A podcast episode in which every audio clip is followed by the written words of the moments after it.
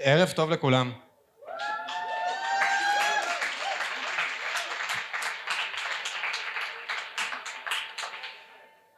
איזה כיף שאתם כאן, איזה כיף להיות כאן. ואני ממש מרגיש שהולך לתת לנו איזה ערב כזה של הרבה אמת, והרבה כנות, והרבה אותנטיות, והרבה הרבה הכנה לשינוי של כל אחד ואחד מהאנשים שנמצאים כאן. ואני רוצה להתחיל בסיפור קצר. לפני איזה שבועיים פחות או יותר, ערן אה, בא, בא אליי הביתה, ישבנו אצלי במרפסת, ונכנסנו לאיזו שיחה כזאת, מהשיחות האלה שמרגישות כרגע בזמן שייזכר, כאיזה מקום כזה שפתאום יש כנות קיצונית וברוטלית שאומרים את מה שצריך להגיד, ולא את מה שהבן אדם רוצה לשמוע, ואנחנו נכנסים לאיזה עומק כזה של אותנטיות וכנות והכל, ואז הוא פתאום העלה לי מהאוב איזה סיפור. והיה לי סיפור שהוא בדיוק היה ביציאה שלו מאינטל, אותו סיפור שהוא לא מפסיק לספר כל הזמן, זה עשרים שנה, יוצא מאינטל, הבן אדם עשרים שנה יוצא מאינטל, לא משחרר מזה. אז הוא אומר לי שהוא פגש, הוא פגש איזה בן אדם, אמרו לו לפגוש איזה בן אדם, והוא נכנס אליו למשרד, והבן אדם בן אדם רציני, כאילו יושב בדירקטוריונים, קונסול באיזה מקום, נמצא באיזה תפקידים כאלה, רמי מעלה, ואז הוא נכנס אליו לחדר, מצפה לאיזה פגישה כזאת, הכוונה לחיים, הבן אדם מסתכל עליו, ואומר לו, או יותר נכון צועק עליו, אתה מוכן להיות ערום לידי? ורן מסתכל ולא מבין מה קורה, והוא עוד פעם מסתכל ואומר לו, אתה מוכן להיות ערום לידי? לא הבנתי, מה הדרמה? בן אדם מבוגר התחיל לצעוק עליו להיות ערום כשהוא נכנס אליו לחדר. ורן אומר, כן, אני יכול להיות ערום, אבל מה הקטע? כאילו, למה שאני אעשה כזה דבר? זה לא לגיטימי, זה לא פה. מפה לשם, במקרה הזה ערן לא התפשט.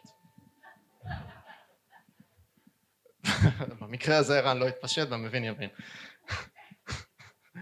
ואיך שערן מספר לי את זה, אני אומר, fuck,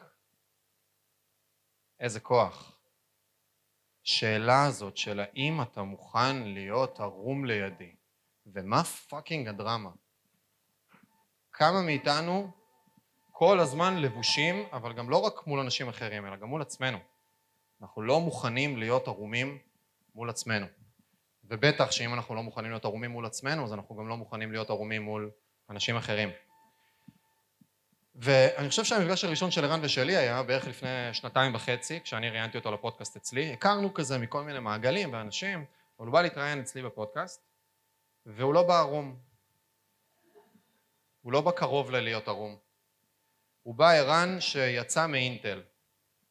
הוא בא ערן שנשען על הסיפור של הסרטן שלו כאיזה סיפור גיבור כזה חדש. הוא הגיע לא ערום, לא מול עצמו ולא מולי. והיום הבן אדם ערום. היום הבן אדם עם כנות מול עצמו, היום הבן אדם עם אותנטיות, היום הבן אדם הוא לא קופי פייסט של עוד איזה מנטור על במות שמספר את אותו סיפור כל פעם ועוד כל פעם וכל פעם ואותו דבר, אלא הוא מביא נוכחות לדברים שהוא עושה, הוא מביא יוניקיות, הוא מביא קשיבות, הוא מביא עולם שלם של אינטימיות מול עצמו ומול העולם. וכמה חסרים לנו רגעים של אינטימיות אמיתית, אותנטית, שאנחנו מרגישים ערומים מול עצמנו ומול אחרים. וכמה חסרים לנו רגעים של אותנטיות וכנות ואהבה וקשיבות ונוכחות ועיבוד של תחושת הזמן. והפורטלים לכל הרגשות האלה זה כנות. כנות קיצונית מול עצמי, כנות קיצונית מול אחרים, ואני חושב שזה מה שאתה היום, גם בשבילי. אני חושב שעזרת לי להכיר את עצמי, אני חושב שאתה, שאתה שליח בעולם הזה שגורם לאנשים להיפתח, להיות כנים, לראות שהשד לא כזה נורא, הוא נורא, אבל הפרס בקצה שלו הוא מהמם. וזהו, אני מאוד שמח על ההזדמנות להיות איתך כאן היום, ולהזמין. fucking ערן שטרן.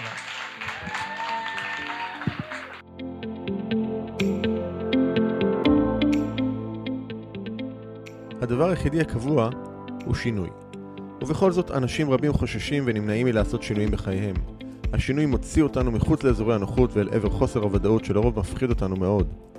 ובכל זאת ישנם אנשים שמוכנים להתמסר לתהליכי השינוי, ולא רק לשנות, אלא בעיקר להשתנות, ולהמציא את עצמם שוב ושוב מחדש. בפודקאסט עושים שינוי, תוכלו לשמוע את האנשים שמשחקים all in ועושים את מה שצריך, במקום את מה שנוח, כדי לחיות חיים מלאים ובעלי משמעות. בכל שיחה אנו צוללים לעומק התהליכים הפנימיים שהם עוברים, הטריגרים שמפעילים אותם, הפחדים והחששות, ההצלחות, הכישלונות, הפעולות שהם עושים וההתפתחות שהם עוברים. בכל שבוע תוכלו לשמוע את ערן שטרן ברעיונות מרתקים ומעוררי השראה עם אנשים שהפכו את השינוי לדרך חיים. לפרקים נוספים בפודקאסט תיכנסו לאתר doingchange.co.il או חפשו עושים שינוי באפליקציות הפודקאסט המובילות iTunes, ספוטיפיי, גוגל פודקאסט ואחרות.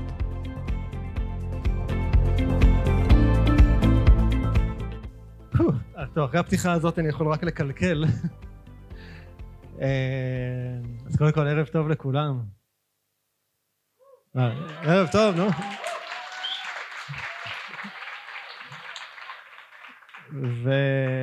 והבאתי פה בירה כי נראה לי שאני אצטרך אותה. ו...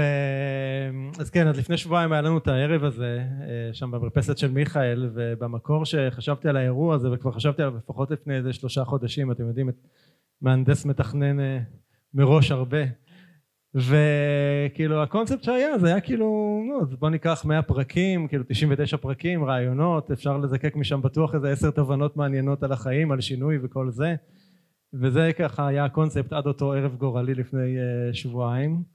והוא אתגר אותי ואני באופן כללי אני שונא אתגרים ואוהב אותם בו זמנית. כאילו במיוחד בשנים האחרונות. ועשיתי עם עצמי איזשהו כלל כזה שאם משהו מאוד מאוד מפחיד אותי אז זה סימן שכדאי לעשות אותו. ואז אמרתי טוב יאללה אני אקפוץ על ההזדמנות. ו...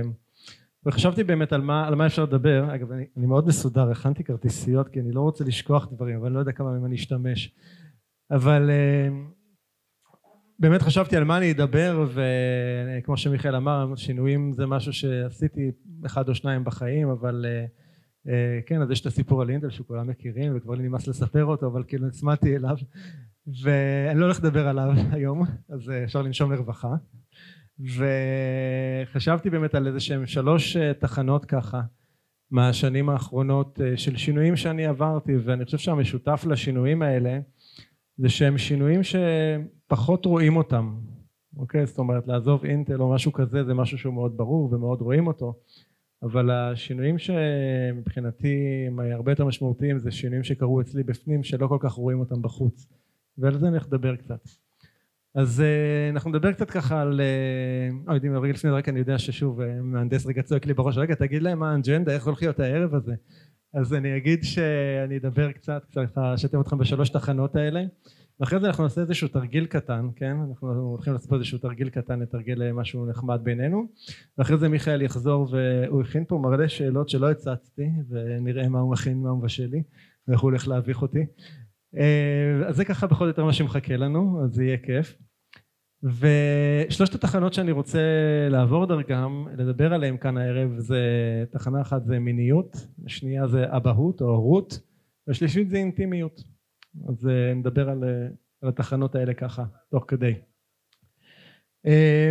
מה שמיכאל פתח איתו של העניין הזה שלפני שנתיים וחצי הגעתי להתראיין אצלו ולא הייתי ערום זה נכון כי יש לנו איזושהי פרסונה כזאת מכירים אותה?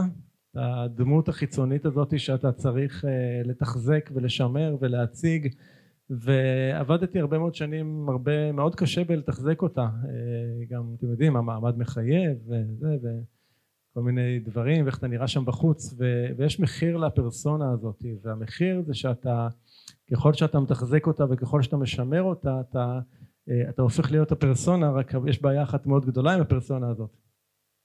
זה לא אתה. בדיוק. ומה שעברתי בשנים האלה זה באמת קצת יותר לפרק ולפרק ולפרק את הפרסונה הזאת. אז אני אתחיל רגע עם איזשהו אירוע שקרה לפני איזה משהו כמו שלושה שבועות משהו כזה. היינו בברלין הייתי ביחד עם ורד אהובתי וזו הייתה מתנת יום הולדת שנתתי לעצמי לגיל חמישים הופעה של קול פליי בברלין והיינו שם איזה שבוע ובאחד הימים החלטנו לפנק את עצמנו ואיזה חבר המליץ לנו על איזשהו ספא כזה של הביוקר מכירים? אז ללכת להתפנק בו. ובאמת הזמנו מקום ואנחנו מגיעים לספא ושם בקבלה היא מסביר, רושמת אותנו ומסבירה לנו ואז היא אומרת אותנו משפט וכן וחשוב שתדעו שהספא שלנו הוא textile פרי. עכשיו אני לא יודע אם טקסטייל פרי. עכשיו אני חשבתי שזה משהו של מה שעלה לי בראש מיד זה שזה שהוא משהו של איכות הסביבה כזה כאילו לא, לא הבנתי את הרגע ואז כאילו היא ראתה שאנחנו לרגע לא הבנו מה היא מתכוונת ואז היא אומרת תכלס אה, פה כולם בעירום. כאילו לא אין, אין בגדים כאילו הבגדים נשארים מחוץ אתה אם אתה נכנס למלתחות ושם אתה עובר למה שנקרא לטקסטייל פרי והכל בעירום. הסתכלנו ככה אחד על השנייה ואמרנו ברור נכנסים. וכמו שמיכאל אמר זה לא היה המקום הראשון שהתפשטתי בו. נדבר גם על זה עוד מעט מסוכן, כן, היום זה מסוכן, כן. ואני מספר, כאילו בחרתי רגע להתחיל עם העניין הזה כי ערן שלפני, לא יודע, שלוש, ארבע שנים בחיים לא היה עושה את זה. אין מצב בעולם שהוא היה עושה את זה. רחוק מזה. היה מסובב את הגב ובורח. אמ, וניסיתי ככה להתחקות על השורשים אחורה, כאילו לקחת את הנקודה הזאת וללכת רגע אחורה ולהבין מאיפה זה בעצם התחיל. ונקודת הפתיחה היא, אה, למרות שמיכאל כבר גם לא אוהב את הסיפור הזה, אבל הוא כן דווקא ב, ב, במחלת הסרטן. אז לפני שלוש וחצי, אני לא לדבר על זה הרבה, אבל רק איזה נקודת ציון חשובה. לפני שלוש וחצי שנים, אה, בוקר יום בהיר, אתה קם ומגלה אה, בפגישה מול רופא שאומר לך, פחות או יותר בתוך שעתיים מהרופאת משפחה ששולחת אותך לרופא מומחה, ואומר לך 99.99 אחוז שזה סרטני. המשפט השני שלו אגב היה, אבל אתה תחיה, אוקיי? וזה משהו, למרות שסוג הסרטן שהיה לי, היה לי סרטן אגב אה, באשך שמאל, אוקיי? סרטן אשך, סרטן אשכים לגבר זה משהו עניין די נדיר, משהו רק כמו חמישה אחוז מהגברים זוכים לו. אני אומר זוכים לו כי זה באמת זכייה, אה, סרטן אה, תשעים ושמונה אחוז החלמה. אוקיי? אז זה באמת זכייה. אה, אבל סרטן באשך לגבר לא פשוט, לא פשוט. אה, עד היום אגב לא, לא אמרתי את זה. זאת אומרת, אם היו שואלים אותי איפה, איזה סרטן היה לך, הייתי אומר, אבל אף פעם לא נידבתי את זה. אה, כי אתם יודעים, זה בכל זאת, יש פה עניין עם הדבר הזה, זה לא, לא פשוט... לא פשוט לגבר לחשוב על המקום הזה, אתם יודעים, כל הגבריות שלנו מתמצה באזור הזה, נכון? ו... משם בעצם יצא הפוקוס הראשון זה להחלים מהעניין הזה. אה, זה חבר טוב שהוא היה הטלפון השני שלי. אה, אחרי שיצאתי מהרופא הוא אמר לי אל תדאג זה יהיה בשבילך רק עוד רעד קל בכנף. והאמת שהוא צדק זה באמת היה סוג של רעד קל בכנף ומשהו כמו ארבעה חמישה חודשים אחרי זה הייתי אחרי ובריא והכל בסדר אבל uh, כשהחלמתי אז התחלתי ממש ממש לפחד והתחלתי לפחד כי בתפיסה שלי משהו, קורה, זה קורה, משהו כזה קורה לך באמצע החיים זה לא סתם. זאת אומרת אה, אני לא חושב שבן אדם לפחות בתפיסה שלי זה לא חייב אף אחד לא חייב להאמין בזה אבל בתפיסה שלי אתה לא סתם מקבל זה לא קורה לך אוקיי?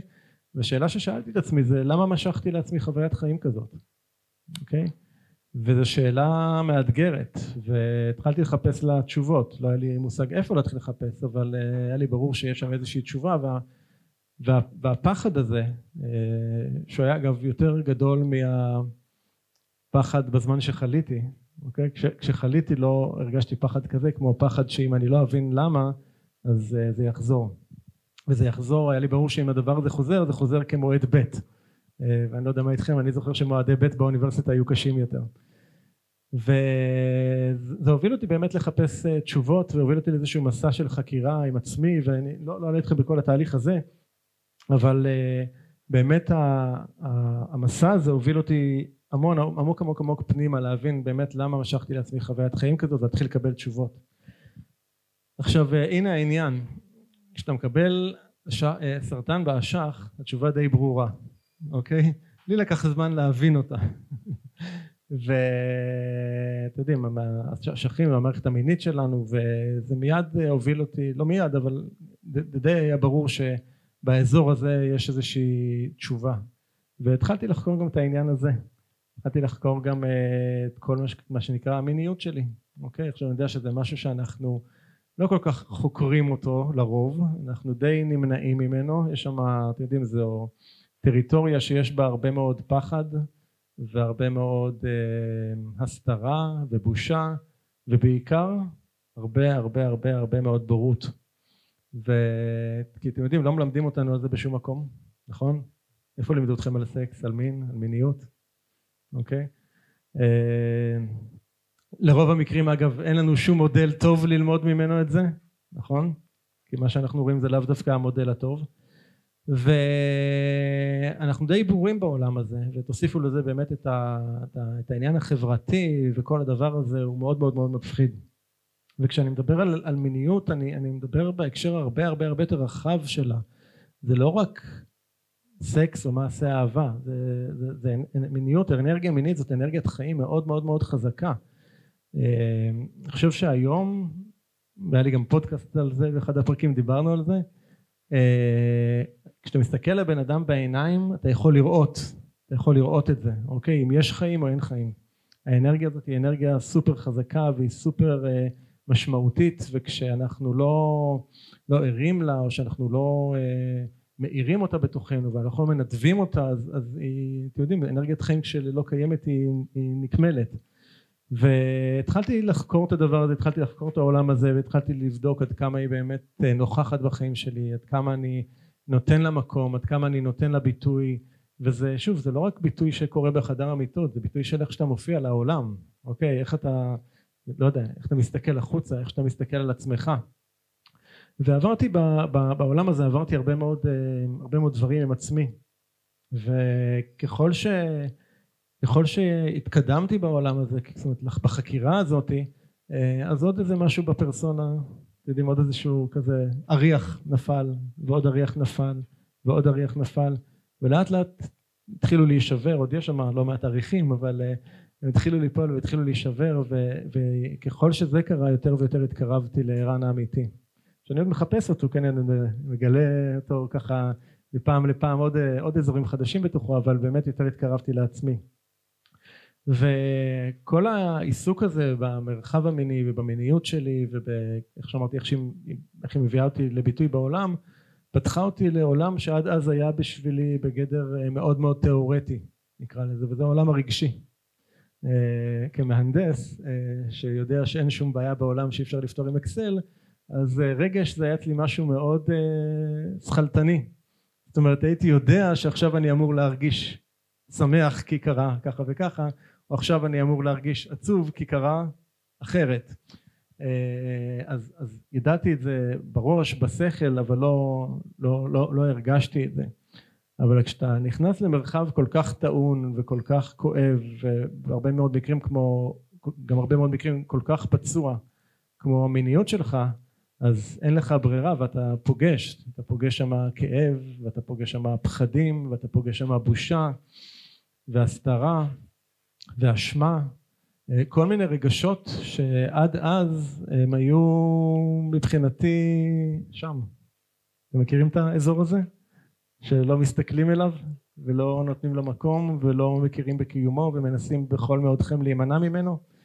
אז אה, כך, כך זה היה אצלי. זאת אומרת הייתה לי איזושהי תפיסה כזאת איזושהי פנטזיה שאני חושב שיש אותה ללא מעט אנשים שהחיים שלנו הם אה, צריכים להיות רק מה שנקרא כזה יופי טופי פוסטים לפייסבוק לפייקבוק ולאינסטה שהכל נראה מושלם של החיים המושלמים המתוקתקים שלנו נכון? אף אחד לא מעלה תמונה שהוא רב עם הילדים שלו נכון? או אחרי סקס גרוע עם אשתו אף אחד לא מעלה תמונה אוי דן שמע לי את הסקס הכי גרוע בחיים לא אין תמונות כאלה באינסטגרם זה פחות עובד נכון? ו... וכשאתה באמת רגע מוכן להסתכל על האזורים האלה אז משהו מתחיל, משהו מתחיל לזוז באמת בכל המערכת הרגשית. ובשבילי זה היה יחסית חדש ועברתי שם הרבה מאוד uh, תהליכים מאוד עמוקים uh, מאוד כואבים גם שכאב זה גם כן משהו שנמנעתי ממנו בהצלחה יתרה uh, כמעט uh, 47 שנה והתחלתי לאפשר לעצמי באמת בפעם הראשונה להיות במקומות הכאבים האלה, להיות עם הכאב, להיות עם הפחדים, להיות עם הבושה אמ, והיה עוד אזור שגם כן הרשיתי לעצמי פעם ראשונה להיות בו וזה היה גם האזור של האשמה. מכירים את האזור הזה? מכירים? לא? תיאורטי? יש אנשים ו... וזה מביא אותי קצת לתחנה השנייה כי היא התחילה באשמה והתחנה השנייה אה, נוגעת להורות או לאבהות שלי. מי יש לו פה ילדים? אם יש ילדים, אוקיי. למי יש רגשות אשמה ביחס לילדים שלו? למי יש רגשות אשמה ביחס לילדים שלו והוא מרגיש אשם מדי בשביל להצביע? אוקיי. אז אה, אני חושב שבשביל הורים, אה, ואני מדבר פה, הבן שלי תומר נמצא פה, הבן השני ניר אה, חולה לצערי, הבן השלישי קטן מדי בשביל להיכנס לפאב, אה, אבל אה, אני חושב שבשביל הורים, אה, הורות ואשמה זה מין bundle, נכון? זה בא ביחד, זה מין package כזה שמהרגע שהילד נולד אתה מתחיל לצבור עוד ועוד ועוד ועוד ועוד אשמה. ואצלי הסיפור של ההורות או האבהות שלי היה מתוך זה שהייתה לי איזושהי תמונה בראש שאני מניח שאולי יש אותה לעוד אנשים של איך אה, האבא, ה... אני לא אגיד מושלם, אבל איך האבא הנכון צריך להיות. אתם מכירים את התמונה הזאת? או איך ההורה הנכון, נכליל את זה כרגע, איך ההורות המושלמת או הנכונה צריכה להיות. נכון? כזאת שאתה מאיר את הילד בבוקר בשירים נכון? ובליטופים נעימים בשיער ואתה מלווה אותו למקלחת שמצחצח שיניים ביוזמתו נכון? הוא מתלבש לבד לארוחת בוקר המתוקתקת האמריקאית שאתה מוכנה עם הכוס מיץ תפוזים ליד נכון? מתחברים לתמונה ואז אתה שולח אותו לבית הספר מעלה אותו להסעה בנשיקה ובחיבוק ארוך ואתה מחכה לו בבית עם ארוחת צהריים חמה ואתם יושבים ואת מדברים על מה הוא הרגיש באותו יום נכון? ואז אתם מבלים אחר הצהריים בפארק ואתה משכיב אותו לישון תוך כדי שאתה מקריא לו סיפור והוא נרדם ואומר לך אני אוהב אותך אבא קלעתי לתמונה של מישהו? רק שלי? אז uh, הייתה לי מין תמונה כזאת בראש, הייתה רק בעיה אחת קשה עם התמונה, עם התמונה, בעיה אחת מאוד אינהרנטית בעייתית עם התמונה הזאת. שהיא לא הייתה אני. כאילו, יש, יש עוד פיתוחים לתמונה, אתה כל שבת לוקח אותו לסחנה, וכאילו, נכון, כאילו, יש, יש את כל ה... יש את כל, יש, יש מלא, מלא, מלא פיתוחים, מלא פיתוחים לתמונה הזאת. אה, אז כמו שאמרתי, הבעיה העיקרית עם התמונה הזאת זה שזה לא הייתי אני. והרבה הרבה מאוד זמן אה, התמונה הזאת היא נורא, מאוד מאוד תסכלה אותי ופיתחה בתוכי הרבה מאוד הרבה מאוד הרבה מאוד רגשות אשמה וכשנפתח לי העולם הרגשי שלי אז uh, כמו שאפשרתי לכאב להיות נוכח אז uh, נתתי גם לאשמה מקום. אמרתי לו אוקיי בוא הבנתי כבר את, את הרעיון אוקיי אני, אני, אני ממדל דברים מהר אז הבנתי שאתה שוהה במשהו ברגש כזה קורה משהו. אוקיי משהו קורה משהו זז. ו... ראיתי שכל עוד אני נמנע מלחוש את האשמה הזאת היא מחזיקה, כאילו היא מחזיקה מאוד חזק והיו לי ממש כמו מדיטציות מאוד ארוכות כאלה של אה, אשמה, פשוט לשהות באשמה, להיות איתה עם כל מה שעולה ו... ולתת לה בעצם לעבור דרכי בצורה מאוד מאוד אה, מאוד משמעותית. אה, ומה שקרה זה שלאט לאט האשמה פינתה קצת את מקומה ומה שנכנס במקומה זה איזשהו סוג של קבלה של קבלה כזאת שאומרת אוקיי אז אני לא התמונה המושלמת של האבא המושלם או הנכון שרציתי להיות. אני לא זה אני לא כזה. אני לא קם בשבת בבוקר ולוקח את הילדים לסחנה. לא אוהב את זה. לא זה לא אני אוקיי? וכנראה שאין טעם אה, לעשות משהו שהוא לא אני. אמ, וככל שקיבלתי את עצמי כמי שאני אה, באבהות שלי לא בעוד היבטים אבל אנחנו מדברים כרגע על האבהות או להורות ככל שקיבלתי את עצמי בהיבטים האלה אז uh, הפסקתי להיות עסוק במה אני לא אוקיי? כי תמיד הייתי אני לא כזה ואני לא כזה מול התמונה הפנטזיה הזאת של האבא המושלם שהייתה לי בראש. ובמקום לעסוק במה אני לא התחלתי לראות מה אני כן אוקיי? אה, מה אני כן יכול להביא ואיזה מה אני יכול להביא מתוך מי שאני אוקיי? מתוך האישיות שלי מתוך הערכים שלי הניסיון שלי הידע שלי חוכמה שלי קשרים שלי וואטאבר אוקיי? מה שזה לא יהיה. והתחלתי אתם יודעים זה, זה כמו שיש לנו בחבילת קלפים שלנו את הקלפים החזקים ויש לנו את אתם יודעים זה האסים זה הג'וקרים זה הקינגים נכון? האלה. יש לנו את המאפנים של השתיים ושלוש נכון אז במקום לשחק ולהסתכל על הקלפים של השתיים והשלוש אני לא יודע מה לעשות איתם ואיך לנצח איתם אי אפשר לנצח עם שתיים ושלוש התחלתי לשחק על ה... להסתכל על הג'וקר ועל האס ועל הקינג ולראות איך אני יכול לשחק איתם. והדבר הזה שינה לגמרי את כל תפיסת האבהות שלי. זאת אומרת אבהות שאין בה את האשמה טוב אני לא אגיד אין היא קופצת עוד יש לה עוד הבזקים כן? אבל בהיבטים מסוימים אבל, אבל זה לא הדבר שמוביל אותה ולתת לילדים שלי את מה שאני מרגיש שאני יכול לתת ומתי שאני מרגיש שאני יכול לתת בלי שאני מרגיש שאני מאבד את עצמי ובלי שאני מרגיש שאני uh, עושה משהו uh, מתוך ריצוי אלא כי אני רוצה יש הבדל מאוד גדול בין רצון לריצוי נכון? והדבר הזה כאמור פתח הרבה מאוד אפשרויות הרבה מאוד אפשרויות ואני מרגיש היום הרבה יותר קרוב והרבה יותר נוכח uh, לילדים שלי ול... אה, למה שהם חווים, למה שהם עוברים אה, מאי פעם וזה הגיע באמת מה, מהמקום הזה. אה, וחלק מהדבר הזה, וזה מוביל אותי לתחנה השלישית, זה העניין הזה של האינטימיות. ואני חושב שבאמת גם דרך האבהות החדשה שלי וגם דרך הרבה מאוד דברים שעברתי בכלל, אה, הכנסתי יותר ויותר אינטימיות לחיים שלי.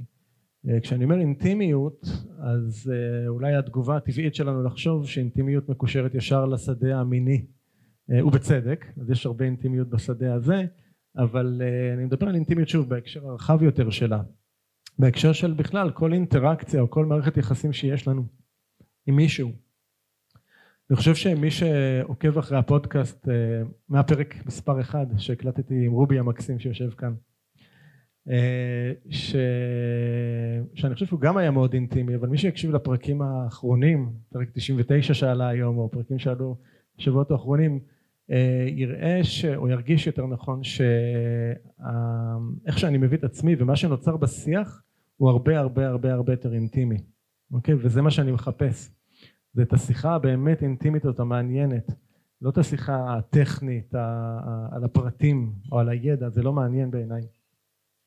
ואינטימיות בהגדרתה אה, או אחד התנאים אני חושב המאוד מהותיים כדי שתקרה ותתקיים אינטימיות זה שאתה חייב להביא איזושהי פגיעות. מסכימים? חייבת להיות שם איזושהי פגיעות. אה, יש את הסרט הנפלא של ברנה בראון הקריאה לאומץ. נכון גברת אומץ גברת אומץ. אה, ומי שלא ראה בנטפליקס תחפשו, סרט מופלא. ובסרט הזה יש איזשהו משפט שהיא אומרת, אה, והיא נותנת מה זה הגדרה לאומץ, וזה ככה מאוד תפס אותי.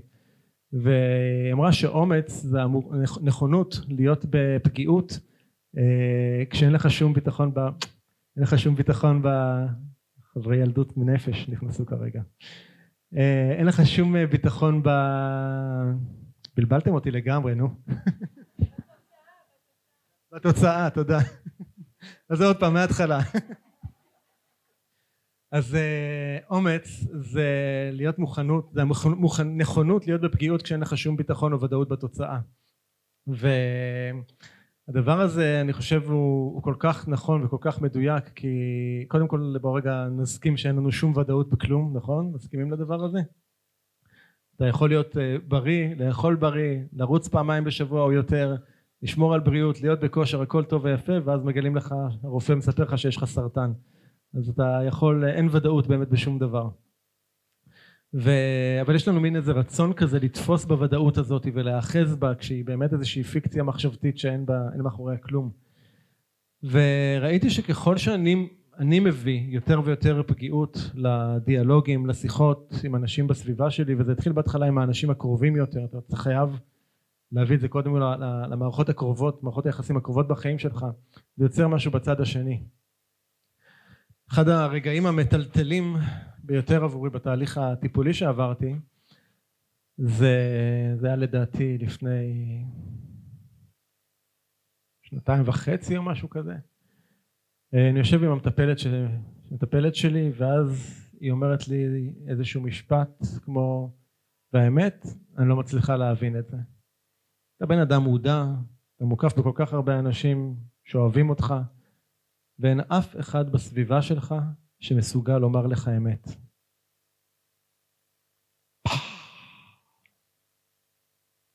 קשוח, מאוד קשוח, מאוד מאוד קשוח. ויצאתי לבדוק את זה, יצאתי לחקור את הדבר הזה. למה זה? עכשיו הנטייה הטבעית שלנו היא מה לעשות? להאשים אותם. הם לא בסדר. למה הם לא אומרים לי אמת, נכון? אבל אחרי שעברתי את הפאזה הקורבנית הזאת, התחלתי להסתכל רגע בכנות פנימה ואמרתי אוקיי זה לא אשמתם הם לא יעשו את זה בחיים אם אני לא מוכן להגיע ולהיות מגיע מולם אוקיי? עלתה לי רגע, אני, אני פותח רגע סוגריים כי פשוט אה, עלתה לי איזה תמונה בראש, התכוונתי לדבר עליה קודם אבל לא ראיתי, אני פשוט רואה פה את דבורה וצחי. אה, דבורה וצחי עובדים איתי 2017 לדעתי, הרבה מאוד זמן.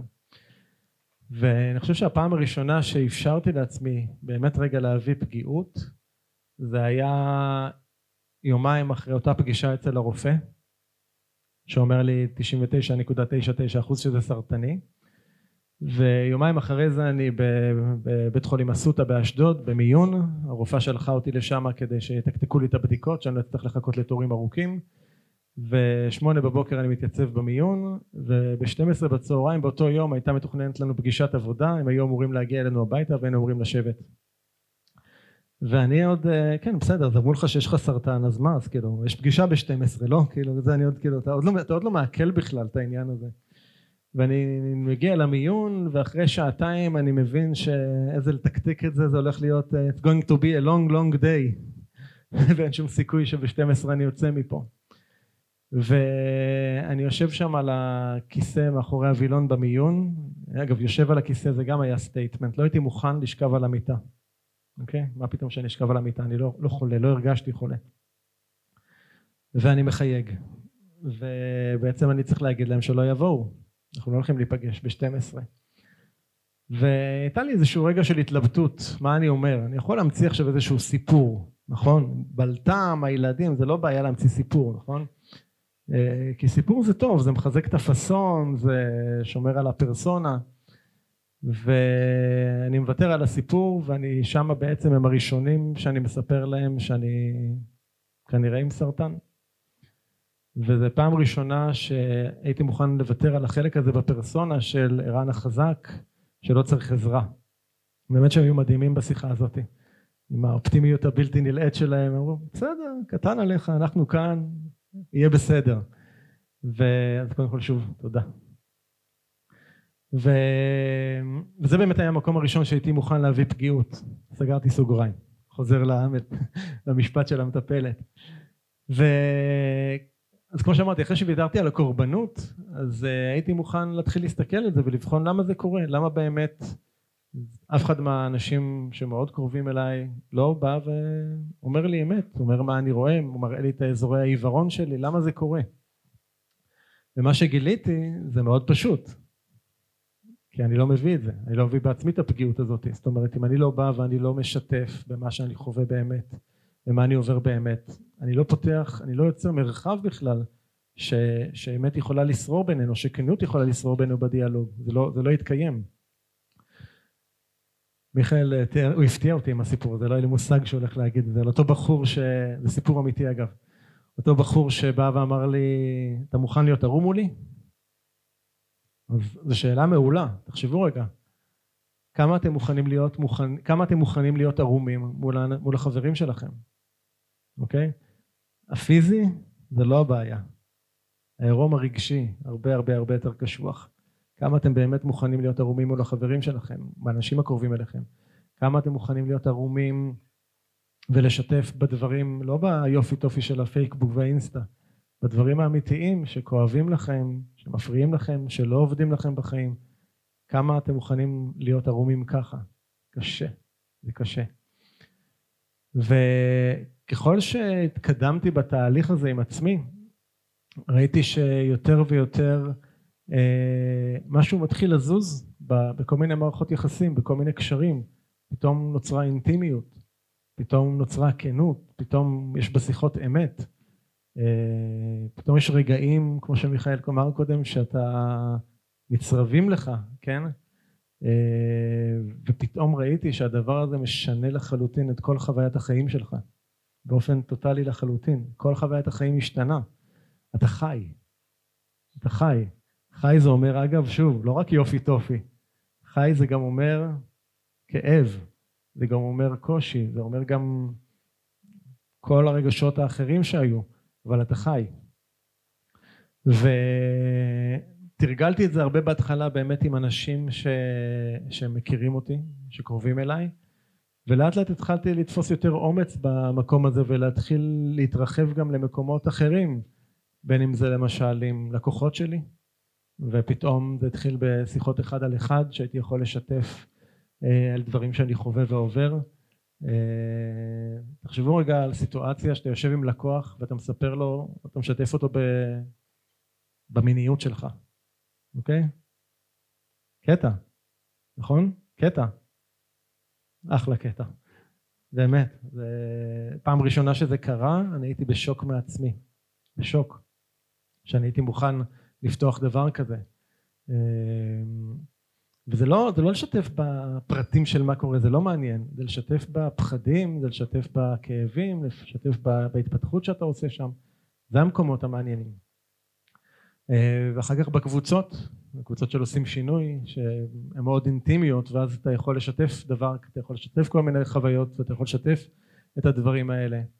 אה, ולאט לאט זה התרחב, ופתאום בפודקאסט הייתי מוכן להיכנס לשיחות כאלה עם אורחים, ש...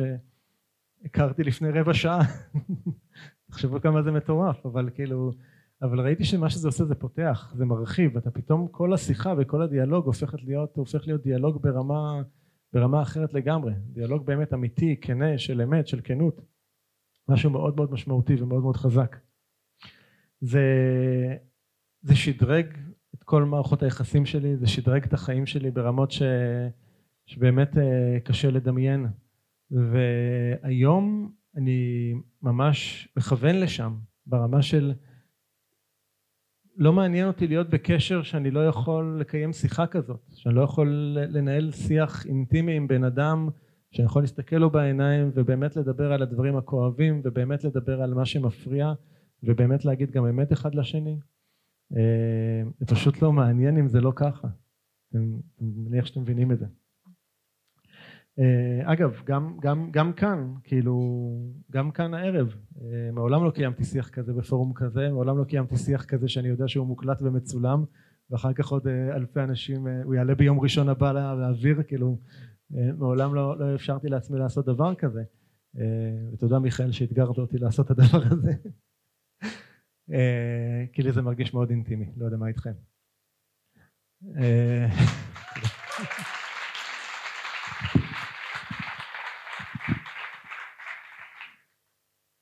אמ, אז אינטימיות בהגדרה זה לשים את עצמך במקום הפגיע. יש את הסרט הזה על אלטון ג'ון, אתם מכירים רוקטמן? ראיתם אותו? מי שלא ראה תלכו. ויש שם איזשהו רגע ככה שבשבילי הוא בלתי נשכח שהוא אה, עומד לעלות לבמה להופעה הכי גדולה בחיים שלו עד אותה נקודה הופעה טלוויזיונית מיליוני אנשים הולכים לצפות ורגע לפני שהוא עולה שם על המדרגות להופעה הזאת הסוכן שלו עוצר אותו רגע על, על סף המדרגות והוא אומר לו אתה צריך להרוג את מי שאתה כדי להיות האדם שאתה רוצה להיות. אפשר לקחת את המשפט הזה לכל מיני כיוונים כאילו להרוג את האדם שאתה כאילו להרוג את האדם שאתה, שאתה, ש, שאתה כדי להיות מי שאתה רוצה להיות אפשר לקחת את זה למקום של תהרוג את מי שאתה ותבנה את הפרסונה הטלוויזיונית הזאת הנכונה. זה כיוון אחד שאפשר לקחת את זה ולגמרי אפשר לקחת את זה לשם. אני אבל מסתכל על המשפט הזה מהצד השני. זה ההפך זה להרוג את ה... כי מי שאתה מי שאנחנו אני חושב לרוב זה הפרסונה. אז להיות מוכנים להרוג את הפרסונה הזאת כדי באמת להיות להיות האדם שאתה אה, להביא אותו באמת לתת לו מקום לצאת ככה לעולם ו... אני חושב שזו הייתה התחנה השלישית אה, זהו, אז אה, כמו שהתחלתי ואמרתי, אז אנחנו עושים כל מיני שינויים בחיים. אנחנו עושים הרבה שינויים ש...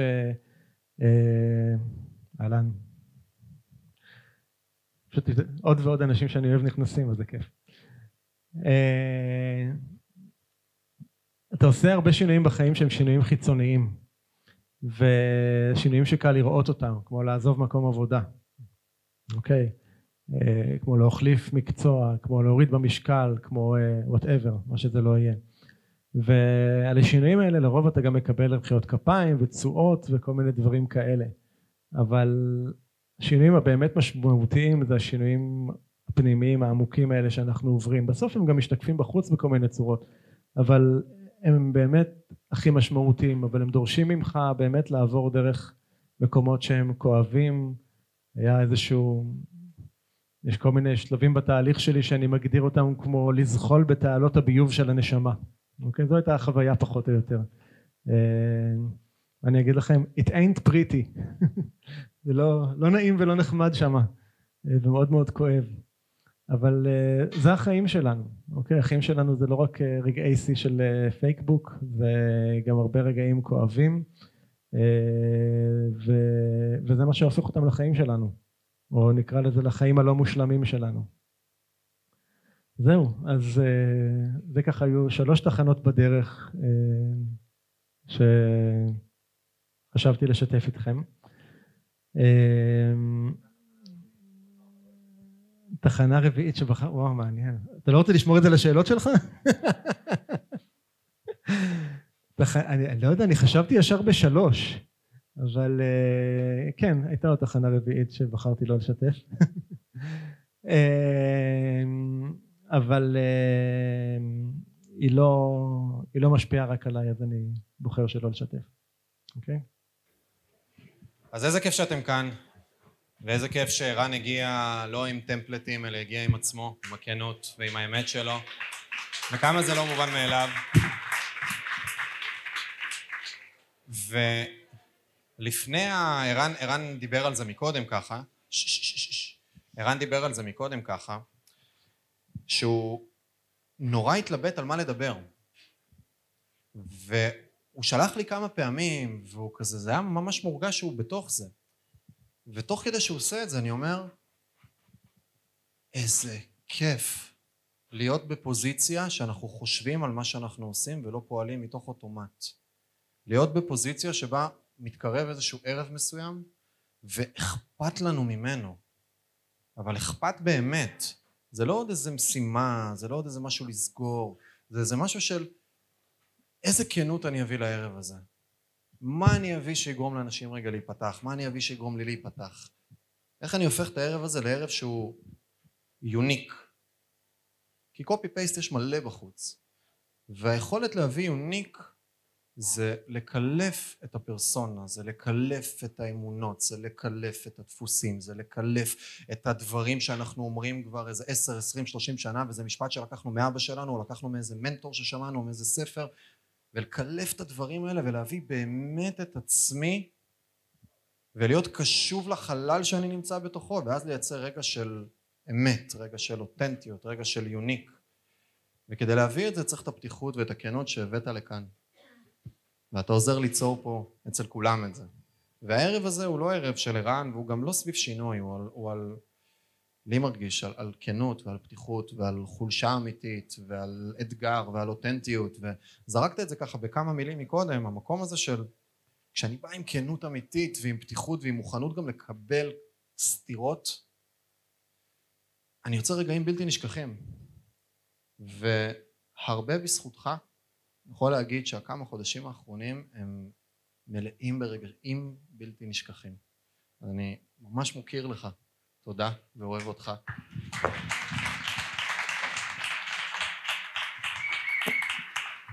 ובזה בא לי לפתוח, ולמרות שאנחנו ככה כאנשים שהם יענו מפותחים ויענו ערים, לפרקים לפחות, אנחנו לא אוהבים הגדרות.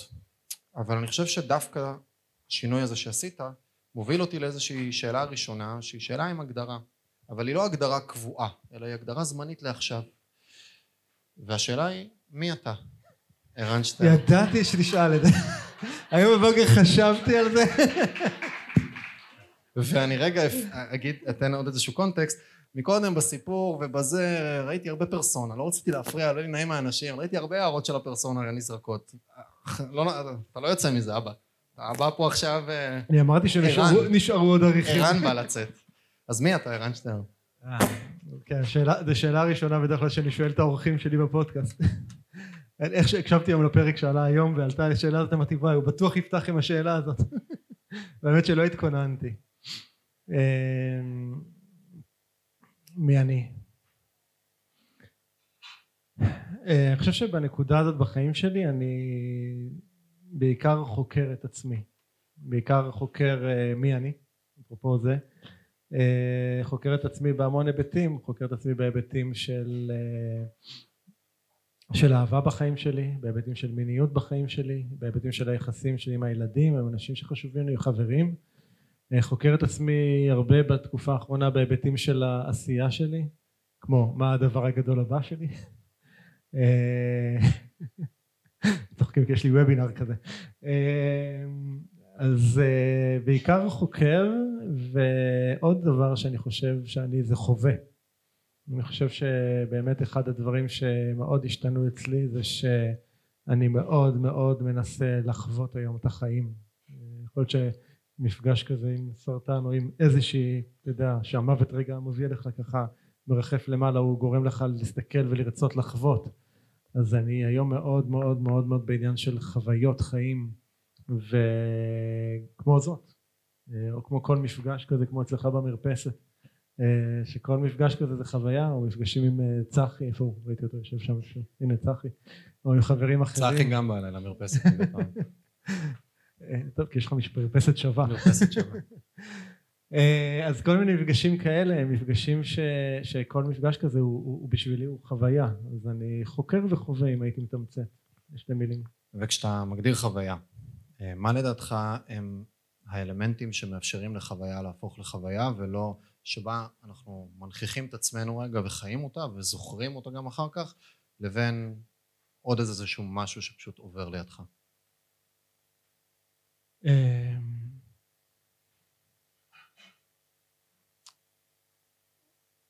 מה שעולה לי זה קודם כל להסכים לא לדעת, זאת אומרת לא לנסות לשלוט במה, איך החוויה תהיה, אוקיי? אה, כמו ש... כמו שדיברנו לפני שהתחלנו הערב, כרטיסיות שלי, זה ניסיון לשלוט באיך החוויה תהיה, אבל uh, כמעט לא השתמשתי בהם, אבל, uh, אבל אני חושב ש... אתה יודע מה עולה לי עוד דבר וזה אומץ. זה אומץ להביא את מה שאתה חושב אוקיי? הייתה לי איזה שיחה עם חברה לפני שבוע לא פשוטה ולא פשוטה במובן של הבאתי משהו שחי בי בקשר מולנו, שלנו. וזה משהו שבעבר הייתי נמנע מלומר אותו כי יכול להיות אלף ואחת סיבות לומר, למה, לא, למה לא להביא את זה. ועשיתי את זה. ובאתי לשם בלי בלי לנסות לא לשלוט בתוצאה ולא להיות מושפע על ידי מה תהיה התוצאה. זאת אומרת כאילו כל, כאילו כל תוצאה תהיה טובה. אה, ובעיקר כאילו זה שהבאתי את זה ולא השארתי את זה משהו שיושב פה מאחור אני חושב שזה הדבר המהותי. ואם הבן אדם בצד השני לא נמצא בתהליכים שאתה נמצא בהם בחוויה העמוקה הזאת שאתה נמצא סיכון, בהם יש פה סיכון. ואתה בא אליו עכשיו עם הדבר הזה שנקרא אמת וכנות ברוטלית שתכלס אנחנו נראה לי די מפחדים מזה שבאמת יגידו ולהיות ערומים ליד אחרים. איך אתה מגשר על הפער הזה והאם אתה מגשר? אני חייב לומר שבאותה סיטואציה היה לי לגמרי את השאלה הזאת.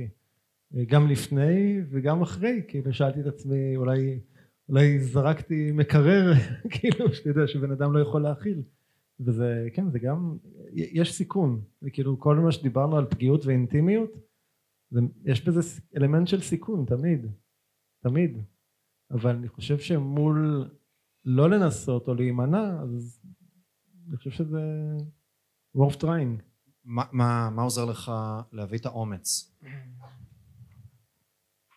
להביא כנות, או פתיחות, או פגיעות, או את כל הדברים האלה שרובנו מנסים לשמור בתוך עצמנו. Um, אחד התהליכים שעברתי דווקא בשדה של המיניות אה, לימד אותי שיעור מאוד מאוד חשוב וזה שאין דרמה אוקיי? זאת אומרת הדרמה זה משהו שאנחנו מייצרים אותו אצלנו בשכל בראש והתחלתי להסתכל על הדבר הזה ולנקות לנקות, לנקות, לנקות את הדרמה. כאילו, תן לי רגע ספציפי. רגע ספציפי. רגע ספציפי. אני אתן לך רגע ספציפי. אוקיי. יושבת כאן אהובה שלי ורד. אוקיי? והכרנו, אה, הכרנו בסדנת מיניות. והיינו שמונה ימים ביחד, לא החלפנו מילה. אוקיי? שמונה ימים לא החלפנו מילה. אה, ולא היה לי שום פרטים שלה ושום קשר שלה וכלום אה, וכמה ימים אחרי זה כתבתי לה, מצאתי אותה בפייסבוק וכתבתי לה ו... איזה כן אינטראקציה הייתה ביניכם בסדנה? לא, חיפשת אותה סתם, מהספר טלפונים, אה, מהקבוצת וואטסאפ. באמת אנחנו כמעט לא דיברנו ביום האחרון ביום האחרון אה, אחרי שמונה, שמונה ימים שאתה יושב על כרית על מזרון הגב שלך די נשבר ביום האחרון כבר לא ממש היה זה סשן מאוד ארוך ואני פשוט קמתי מהמעגל פשוט נעמדתי מאחורה והתמתחתי הגיל. אה הגיל הגיל והרגשתי שפתאום מישהו מניח על הידיים מאחורה ומתחיל לעשות לי כזה מסאז' ולא הסתובבתי לראות מי זה פשוט אה, רגע אה, התמסרתי למגע. אה, כשהסתובבתי זו הייתה היא. זו פחות או יותר הייתה האינטראקציה היחידה שהייתה בינינו באותה סדנה. וכשחזרתי הביתה כאילו זה קטע שמקודם אמרת שבדפוסי האהבה שלך זה מגע אתה מגע. נכון והאינטראקציה המשמעותית, נכון. בערך היחידה שהייתה ביניכם הייתה נכון, דרך תכל'ס, מגע. לא חשבתי על זה ככה אבל נכון ו... זהו ואחרי כמה ימים יצרתי קשר והתחלנו לדבר בטלפון ופתאום זה יצר איזושהי חברות מאוד אה, קרובה מאוד אינטימית בשיחה ואחרי כמה תקופה של חברות כזאת אז גם משהו בתוכי התעורר שהוא מעבר לחברות והבעתי באוזניה את, אה, את העניין וקיבלתי סירוב. עכשיו ערן של פעם היה סובב את הגב מקפל את הזנב והולך אה, לראות בשדות אחרים. אבל מה- לנסות לראות בסוף. לנסות לראות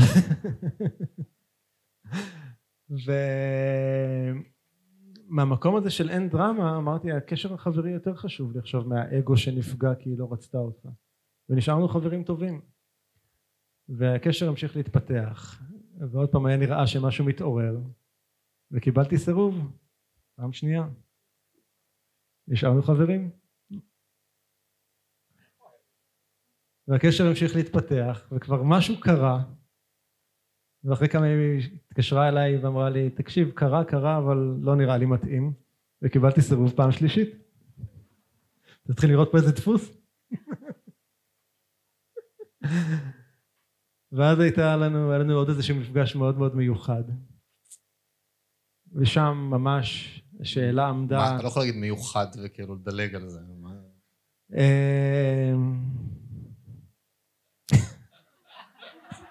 לא מה שאתה חושב מיוחד.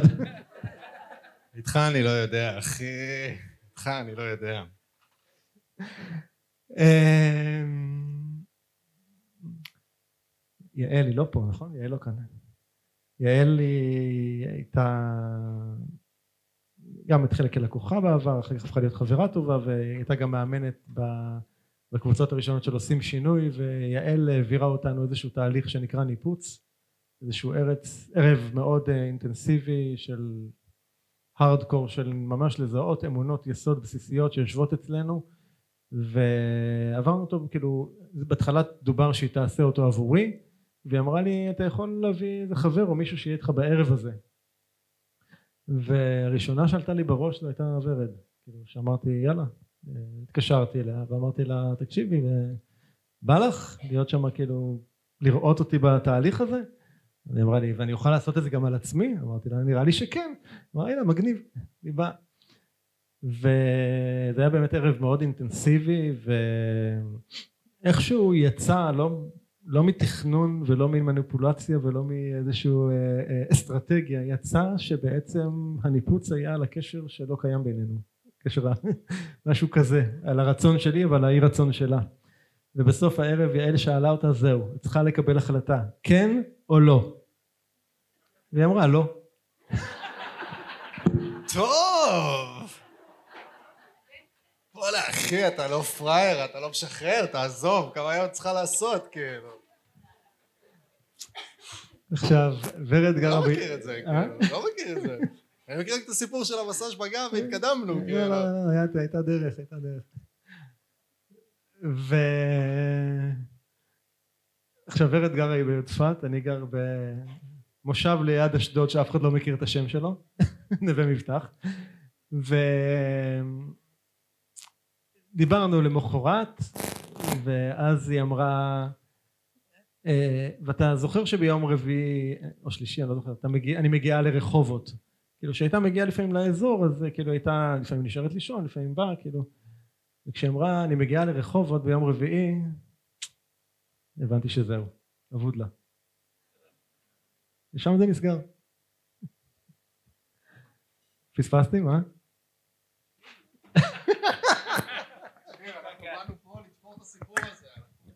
מה שהוא לא מספר, רגע, אני אשתה. תשתה חמוד, זה שהוא מכר לי סיפור שהוא בעניין להתנסות, הוא בעניין של התנסויות. עכשיו הוא לא הבין שלבחורה לא אומרים שכל מה שאתה רוצה זה לבלות איתה לילה ולהמשיך הלאה, כאילו זה לא, לא אומרים את זה, זה דבר אחד. ודבר שני, זה ששמונה פעמים הוא ניסה, אבל הוא אף פעם אחת לא אמר לי שהוא אוהב אותי. ומה שקרה באותו ערב זה שהיה הפעם הראשונה שהוא אמר שהוא אוהב אותי. נכון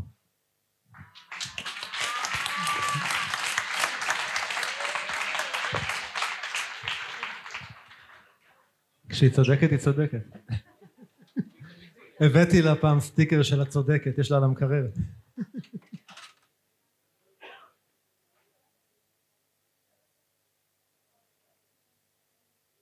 כן. מה יוצר אינטימיות ביניכם? אני... אני, אני חושב שהרגעים הכי אינטימיים שלנו היו ברגעים הכי קשים והכי כואבים שלנו לדעתי זה אני חושב הרגעים הכי הכי אינטימיים היה הרבה? לא חסר לא חסר אני לא שואל את זה סתם, כי כמה זמן אתם... מהרגע שהיא אמרה לך כן בפעם. באיזה פעם? כן, כן. אה, שנה ושמונה, תשע, משהו כזה. ומהצד, ביחס אולי לקשרים אחרים שאני מכיר, היה הרבה רגעים מאוד עוצמתיים. מאוד. וכאילו מהצד, אני, אני זוכר איזה רגע שאנחנו יושבים שוב אצלי במרפסת, ואני שומע עוד איזה סיפור, ואני אומר לעצמי, פאקינג היי, איזה זכות יש לך לעבור את הרכבת הרים הזאת שאתה עובר, ורד עוברת, ביחד, ברמת קשיבות הזאת אחד לשני, ברמת אינטימיות והכנות והפתיחות, כשכל הזמן כל הקלפים על השולחן. כל כן, האפשרויות זה על משהו, אני חושב השולחן. שהוא מאוד חשוב מה שאמרת עכשיו. וזה מהצד, אני מסתכל על זה, ובניתוח, ה... עם הפרספקטיבה הצרה שלי, אני ילד, בסדר? עוד לא חוויתי. מיכאל בן 28, הייתם מאמינים? לא, תנו לו רגע. זה לא עליי. זה לא עליי, זה לא עליי, לא, לא. לא, אותי זה תמיד מדהים איך כל פעם מחדש. וברגעים האלה אני פשוט אומר, איך רובנו, זה היה שיקוף לי, זה היה מראה לי לאומץ שלך ולאינטליגנציה הרגשית שלך, שלכם בעצם, לזה שאנחנו מדברים על דברים, אנחנו מציפים דברים, הקלפים נמצאים על השולחן, כל הזמן כל אחד הוא מספיק בעצמו בשביל עצמו שהוא יכול ללכת, הוא יכול לשחרר, ולכל אחד יש את עולמו אבל גם יש את הביחד.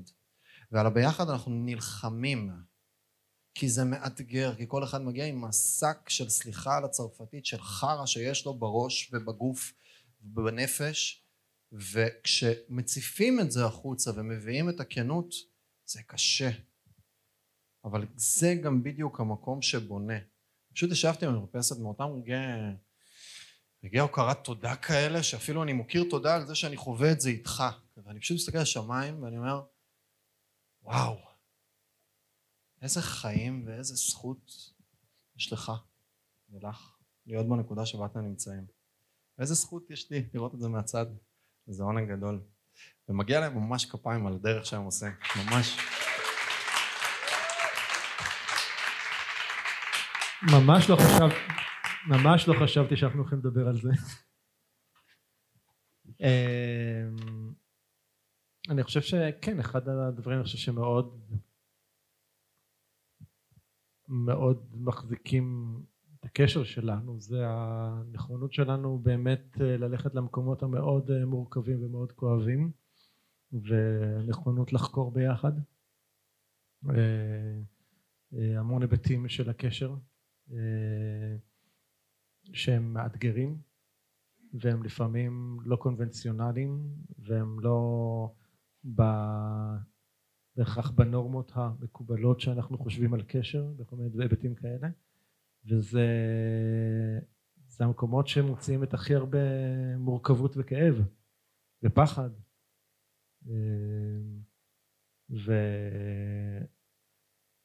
וכשאתה מוכן לשים הכל על השולחן בלי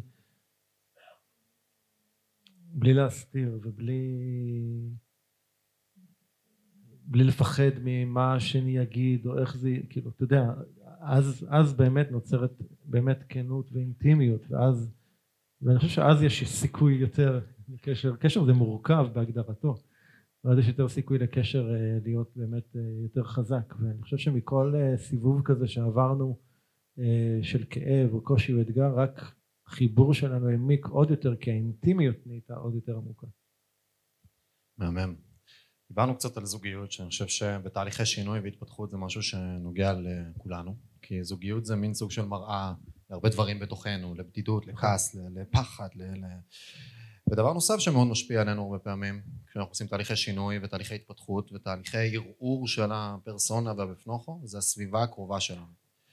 ובא לי לשאול מה קרה לסביבה שלך כשהתחלת עם התהליכים האלה של הכנות ושל האמת ושל הפתיחות אה, ומה היו הפחדים שלך למול זה? וזה כאילו one on one התפתחות אישית כזה אבל כמעט אף פעם אנחנו לא באמת מביאים את הכנות הזאת וכשמביאים אותה זה עשוי להיות מאתגר.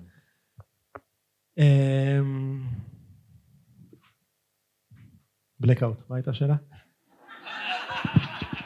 הסביבה. הסביבה. הסביבה שלידך. אמ, אני חושב שהסביבה שלי השתנתה בכמה אופנים. אחד, כמו שאמרתי קודם, אני אגיד רוב כמעט מערכות היחסים שלי מאוד מאוד השתדרגו למקום של באמת של שיח מאוד מאוד אינטימי וכנה ופתוח. אלה שלא אה, נחלשו אוקיי? זאת אומרת במקום של, כמו שאמרתי קודם, זה פחות מעניין אותי להיות במקום שאין יכולת לדבר ככה ולשים אמת על השולחן. אה, משהו מעניין שקרה בעקבות התהליכים שלי זה שחלק גדול מהסביבה שלי התחיל לעבור תהליכים דומים. אתה אולי מכיר את זה. אה, אה, ו... וזה די מדהים כי זה מאפשר הייתה לי על זה תובנה, לא סתם, אני הסתכלתי על הדבר הזה, מה קרה לסביבה שלי, ואמרתי, fuck, כאילו, כאילו, אני פתאום רואה את האנשים סביבי הופכים לעבור תהליכים מאוד מאוד דומים לדברים שאני עברתי, ופתאום אתה יכול לשבת עכשיו איזה ערב שלם, במרפסת גם שלי, גם לי יש מרפסת, עם צחי למשל, עד איזה שתיים או שלוש בלילה, ו... ולשתות מהוויסקי שהוא מביא ואני אף פעם לא מצליח להתמודד איתו. ו... ולדבר על שיט כואב, אוקיי? על כל מיני צדדים וצללים אפלים שאתה מגלה בנשמה שלך, שניסית להסתיר 48 שנה, וזה משהו מאוד חזק, מאוד מאוד מאוד חזק. אה, הסביבה חיבקה או דחתה?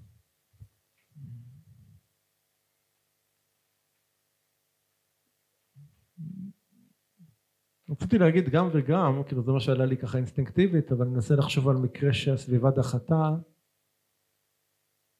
ולא עולה לי זה משהו כרגע קונקרטי בראש. אני חושב שבמקרים, במקומות שהבאתי את, את האינטימיות ואת הפגיעות הזאת, אז ה... ושוב, יכול להיות ש... תשמע, יכול להיות, לא אגיד, אין, יש, אתה יודע, יש רמות שונות של קשרים, יכול להיות שאני אשב עם מישהו ש... אני לא מגיע לשיח כזה, אז בסדר, זה לא, אין דרמה, אז כאילו, אבל פשוט אני אהיה פחות שם. דיברת קצת על צללים. shadow work, המקום הזה של... יש את הפרסונה, ובצד ההפוך של הפרסונה יש לנו למעשה הרבה צללים. היא צוחקת, היא יודעת מה בא. שקצת כאילו לחבר את כולם לקונטקסט הזה, שיונג מדבר על זה, הוא הראשון שהביא את זה, של המקום הזה של צל. יש לי את הפרסונה שלי, מה אני חושב שאני, מה הזהות שלי, מה אני מתהלך בעולם, עם איזה אמונות, עם איזה דברים, מה הסיפור. נגיד מקודם ערן זרק הרבה הערות עיצוב תודעה, כן?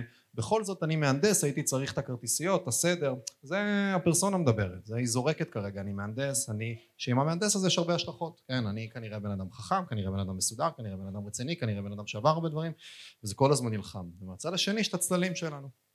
שהצללים זה הדברים שאנחנו לא מסוגלים לחשוב שיש בתוכנו.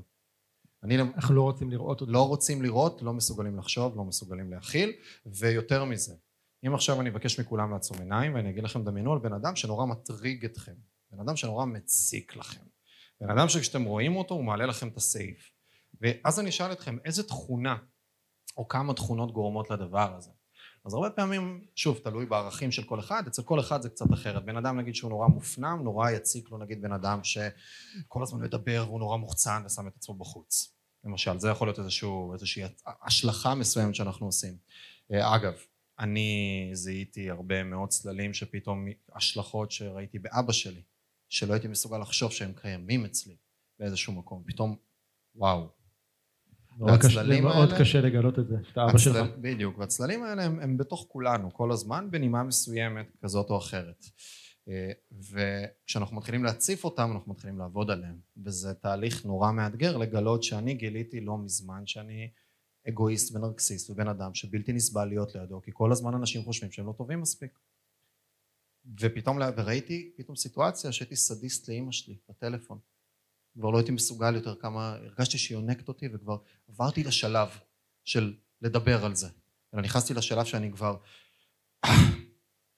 בצללים אנחנו מתביישים אנחנו לא מסוגלים להשליך על עצמנו. כמובן שלמחרת מאוד מהר תיקנתי את כל השיחה התנצלתי וסידרתי את כל הדברים שהיא ביקשה ממני שאני אטפל לה. כי הפרסונה חזקה היא לא מסוגלת להחזיק את הצל הזה של הסדיסט. היא זורקת אותו. ופה אני רוצה לשאול אותך איזה צל משמעותי צף אצלך מה עשית איתו? אתה מרגיש ערום? מה אני מרגיש? ערום? ערום לגמרי, לגמרי. קיבלת תשובה. אמ,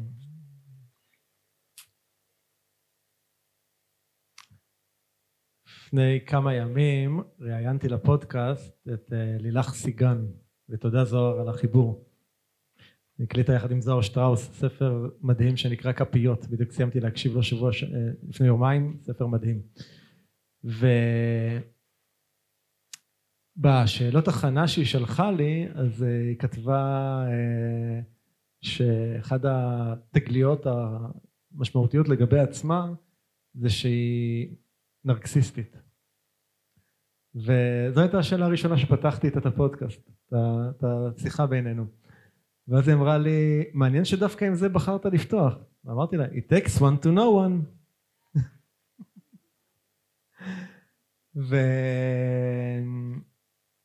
ולפני לפני כמה חודשים לגברת ולי היה איזשהו סוג של משבר ומאוד פגעתי בה. וכשהייתי בטיפול על זה אז המטפלת שלי שאלה אותי תגיד למה היא גם הייתה היא לא הייתה בארץ היא הייתה במקסיקו והיא שאלה אותי תגיד למה למה בחרת לעשות את זה דווקא כשהיא רחוקה חשבתי על השאלה הזאתי והתשובה הראשונה שעלתה לי בראש שמיד איך שעלתה לי בראש אני כאילו נחרדתי הייתה כי זה כואב יותר ככה ואז גיליתי את הצד הסדיסט. ו... והגיע איתו גם הנרקסיסט, וזה שניהם ביחד ככה רקדו טנגו, אה, וזה מאוד מאוד מאוד מאוד כואב לגלות היבטים כאלה באישיות שלך, מאוד כואב. אה, חושב שלקח לי איזה שבועיים טובים ככה לעכל את השיט הזה. ככה באמת רגע להכיר בחלקים האלה שקיימים. שמה קורה בשבועיים האלה? המון כאב. מלא אשמה. מלא כאב ואשמה, כי זה לא רק היה מולה, כי פתאום once זה רגע מול הפנים שלך, אתה מתחיל לראות את זה מופיע בהמון המון המון המון אה, בהיסטוריה. אתה יכול לראות את זה מול המון אנשים אחרים, בהמון סיטואציות אחרות, בהמון מקרים אחרים. זה מאוד מטלטל אה, לגלות את זה בך, צדדים כאלה, מאוד מטלטל. העניין אבל עם הדבר הזה, כשאתה לא מגלה אותם, אז הם מחפשים כל הזמן את הביטוי שלהם מצד אחד, מצד שני אתה מנסה כל הזמן להחביא אותם. אז איך אנחנו מנסים להחביא אותם? אנחנו יוצרים כל מיני דפוסים שלכאורה מכפרים עליהם. אז אצלי הדפוס שהחביא את הנרקסיסט והסדיסט זה היה דפוס של מרצה. אוקיי? ואז זה מאוד מאוד בולט, ואז אתה מרצה, ויכולת פתאום לראות את ה... אתה פתאום, זה כמו שאתה פתאום רואה את המטריקס. זה קטע מטורף, אתה ממש רואה את המטריקס, אתה פתאום רואה איך ההיבטים האלה בחיים שלך ניהלו אותך כל החיים כשלא היית מודע להם בכלל. אז זה מצד אחד מאוד מאוד כואב לגלות היבטים כאלה באישיות שלך, מצד שני זה מביא ריפוי מטורף, כי אתה לא צריך להחביא אותם יותר, אתה לא עסוק בלהחביא אותם יותר, ואז למשל אתה לא צריך להביא יותר ריצוי למקומות האלה. אוקיי? עכשיו זה לא אומר שאתה מפעיל אותם בהכרח, אבל אתה שולט בזה במקום שזה ישלוט בך, וזה זה, זה סוג של Game Changer עבורי, עם כל הכאב שזה. מהמם. זה אמיץ. זה אמיץ להתעסק בזה. יש לי שאלה ששואלים אותי תמיד ואני לפעמים נותן תשובות יותר טובות לפעמים פחות. למה בכלל להתעסק עם התודעה? למה בכלל להתעסק עם ה mind? כי, לא יודע, אני כשלפני שנכנסתי לתהליכים לפני איזה כמה חודשים, אמרתי לעצמי, וואלה, די טוב לי. אני זוכר את ההתכתבויות האלה. מכיר את המשפט ignorance is a bliss? בורות היא ברכה או משהו כזה, נכון? איך אומרים בליס בעברית? ברכה? עושר ברכה, משהו כזה. כן, אז בור, בורות היא ברכה. אמ, יש ברכה בבורות. למה? כי...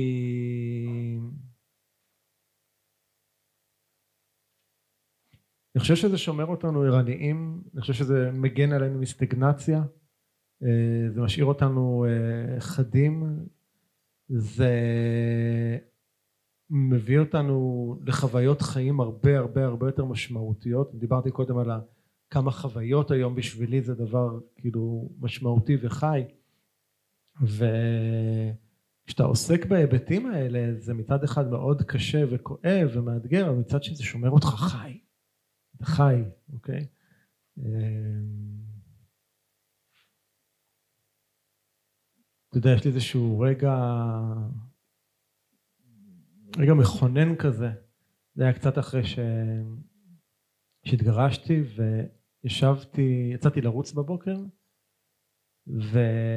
וחזרתי מהריצה וישבתי על, המרפ...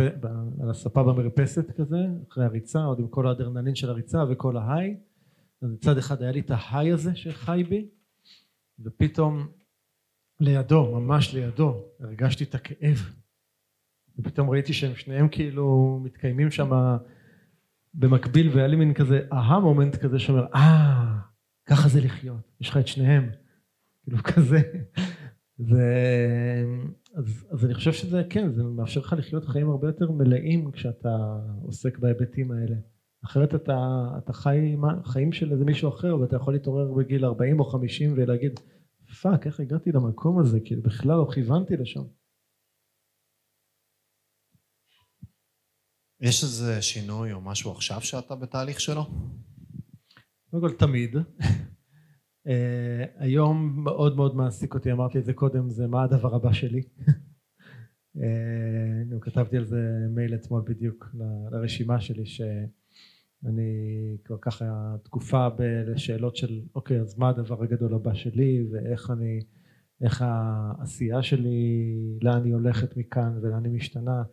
אה, מצד אחד תוכנית של עושים שינוי אני מת עליה. זה הדבר הכי טוב שעשיתי עד היום by far. אה, אני רואה את טרנספורמציות שקורות לאנשים ויש פה לא מעט חבר'ה וכיף שאתם כאן שעוברים תהליכים כל כך משמעותיים וכל כך עמוקים וזה ממלא אותי באמת המון השראה והרבה אושר. מצד שני אני צריך למצוא דרך שזה יותר מדויק לי ויותר מדויק לצוות שעובד איתי על זה ואנחנו סביב זה. אני עוד לא יודע איך זה נראה. זה, זה מין מצב ביניים כזה של של משהו חדש נולד רק שעוד לא הראו לך את התינוק אתה יודע, כאילו לקחו לך אותו ואתה עוד לא יודע מה, איך, איך הדבר הזה נראה זה מין מקום כזה של אה, דורש ממך להסכים להיות באיזשהו חוסר ודאות ובחקירה וב... אה, גם עם, עם, עם פחד ודאגות, כאילו יש הכל, הכל, הכל באיזה חבילה אחת. קיבלת החלטה קודם לשינוי או שקודם יצאת לאקספלורציה? אה, קצת לשאול ביצה ותרנגולת, לא יודע. זה היה גם וגם, אני לא יודע. ביצה ותרנגולת קלאסי. מה המתנה שיש לך להביא לעולם?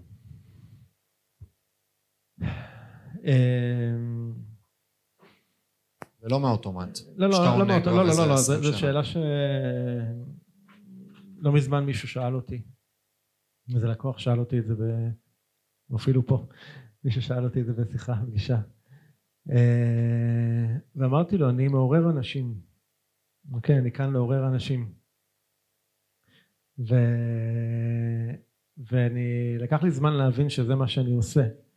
אה, כנראה לא סתם קראו לי ערן. דווקא ספר שנקרא להתעורר אחי. כן, לא, לפעמים אני לא רואה את הסימנים. ורד נקרעת. אה, לא, יש סיבה. כל הכבוד לך שלי, כל הכבוד, מעריך אותך אפילו יותר. לא, יש סיבה שהיא נקרעת, כאילו. גם דבורה ומיכל נקראות. היה איזה פעם איזשהו, איזה מפגש, איזה מפגש צוות אני מגיע ואני רואה את שתיהן צוחקות נקראות ואני אומר להם מה קרה ואז הן אומרות לי על איזושהי לקוחה מה אתה לא רואה שהיא מתחילה איתך? אמרתי לה לא אז אני מתחדד לאט לאט לעורר אנשים פחות טוב בסימנים לעורר אנשים לעורר כן איך אתה הולך להביא את זה לידי ביטוי? מה בעתיד? כן.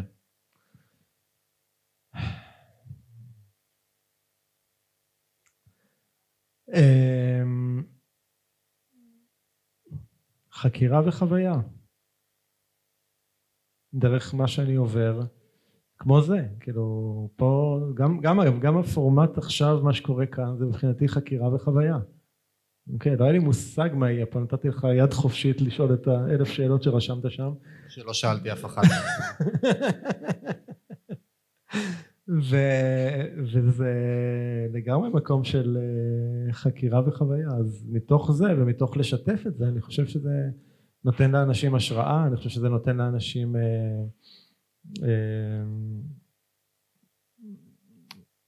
אפשרות לשאול שאלות בעצמם, על עצמם. שאלה שכן כתבתי והעלית לי אותה עכשיו. אה, אני, המילה השראה השתנתה לי לחלוטין בחצי שנה האחרונה. ובא לי לשאול מה הפרספקטיבה שלך לגבי המילה השראה.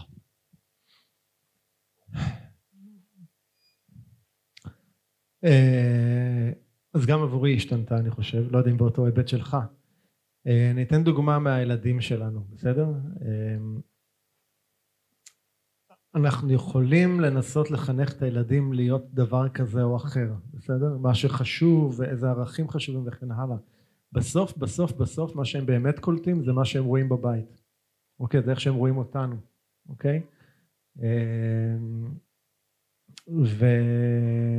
ומתוך מה שהם רואים אז בסוף זה מה שהם מקבלים. אז אני חושב שזה העניין כי כשבשבילי השראה זה להיות הדבר שאתה מדבר עליו כן? כמו דיברנו על walk the talk היום עם דורון דיברנו על זה בצהריים.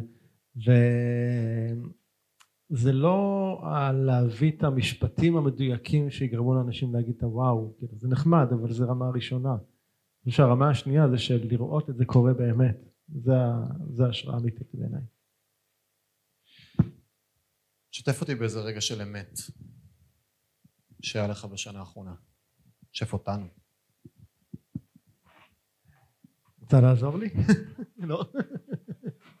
תראי, זו אהבה.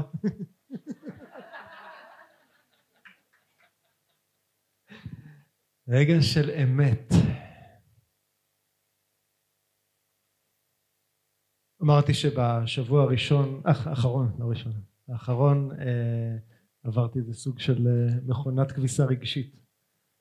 אה, ואחד הרגשות החדשים שגיליתי במכונת כביסה הזאת אה, זה היה קנאה. אה, שזה עד אז לא חו... לא, כאילו הרגשתי משהו אבל לא ידעתי מה זה בגלל שלא חוויתי אותו קודם אוקיי ופתאום פגשתי אותו ולקח לי כמה ימים עם עצמי של מין חוסר נוחות כזה שהרגשתי אותו אבל לא ידעתי מה זה ורק אחרי כמה ימים פתאום הבנתי שזה ה... אה זאת קנאה עכשיו הבנתי מה זה כאילו מה זה הרגש הזה אז זה משהו ש... היה רגע ספציפי? תהליך, אני לא יודע, לא, לא יודע לשים את האצבע על איזשהו רגע ספציפי, אה, קונקרטי, אבל אה, זה היה פתאום איזשהו, פתאום רגע, אה, זה זה.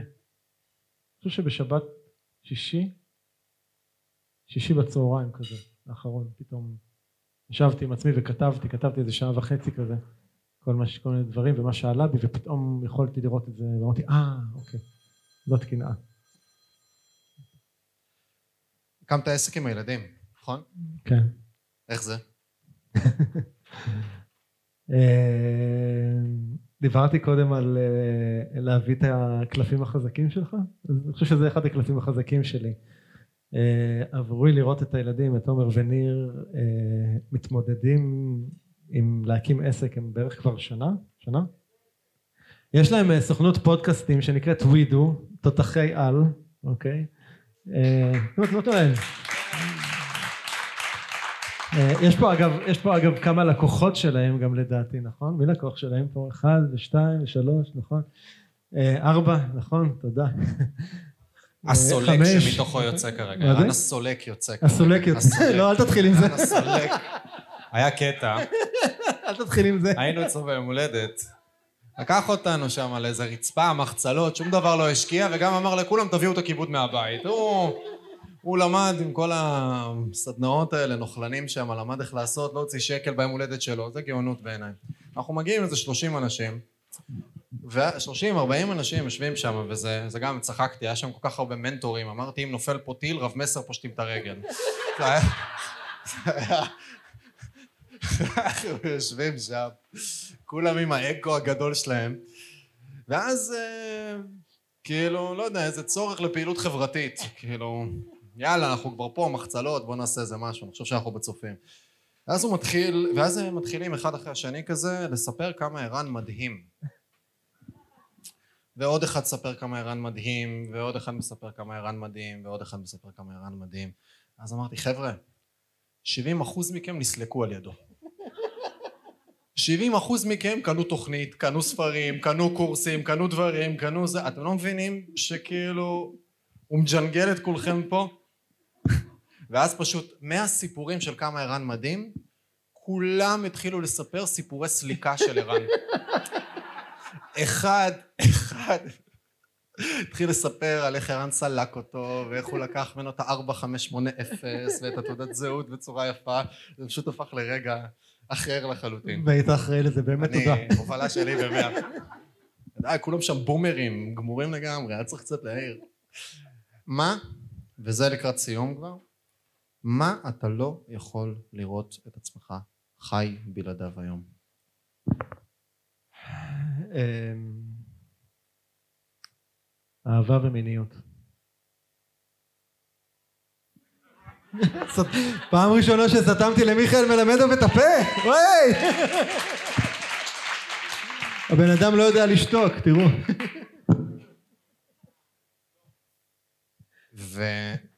ואני חושב שיש הרבה אנשים, יאללה בוא נפתח אותך. יש פה הרבה אנשים, אתה התחלת איתי, אתה מה לעשות. יש פה הרבה אנשים שכשאתה אומר להם, כשהוא אומר את המושג מיניות ואהבה בהרמת יד, מי באמת, אבל באמת מבין על מה הוא מדבר? וואו, יופי.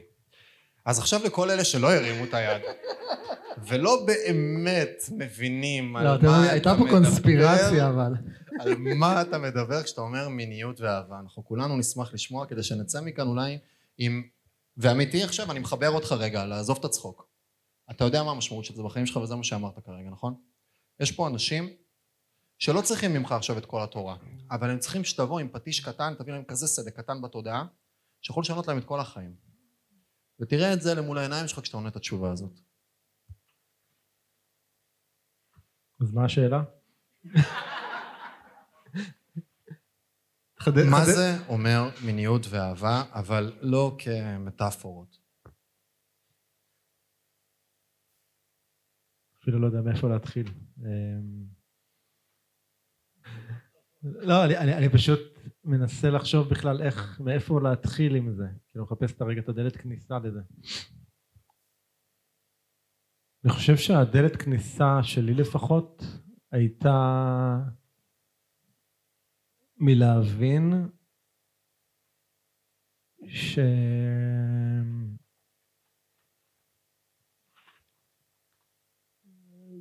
יש למיניות משמעות מאוד מאוד גדולה בחיים שלי. עכשיו, במקרה שלי, סרטן בא לספר לי את זה, אז אה, זה היה לי, אתה יודע, loud and clear כזה.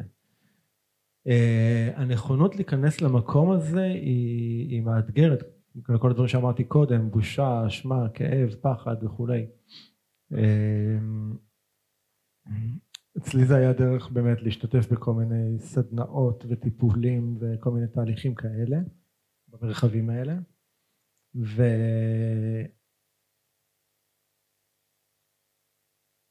ולהיות פתוח לשאול שאלות על הרבה מאוד אה, אמונות ותפיסות יסוד שיש לנו. למשל, אה,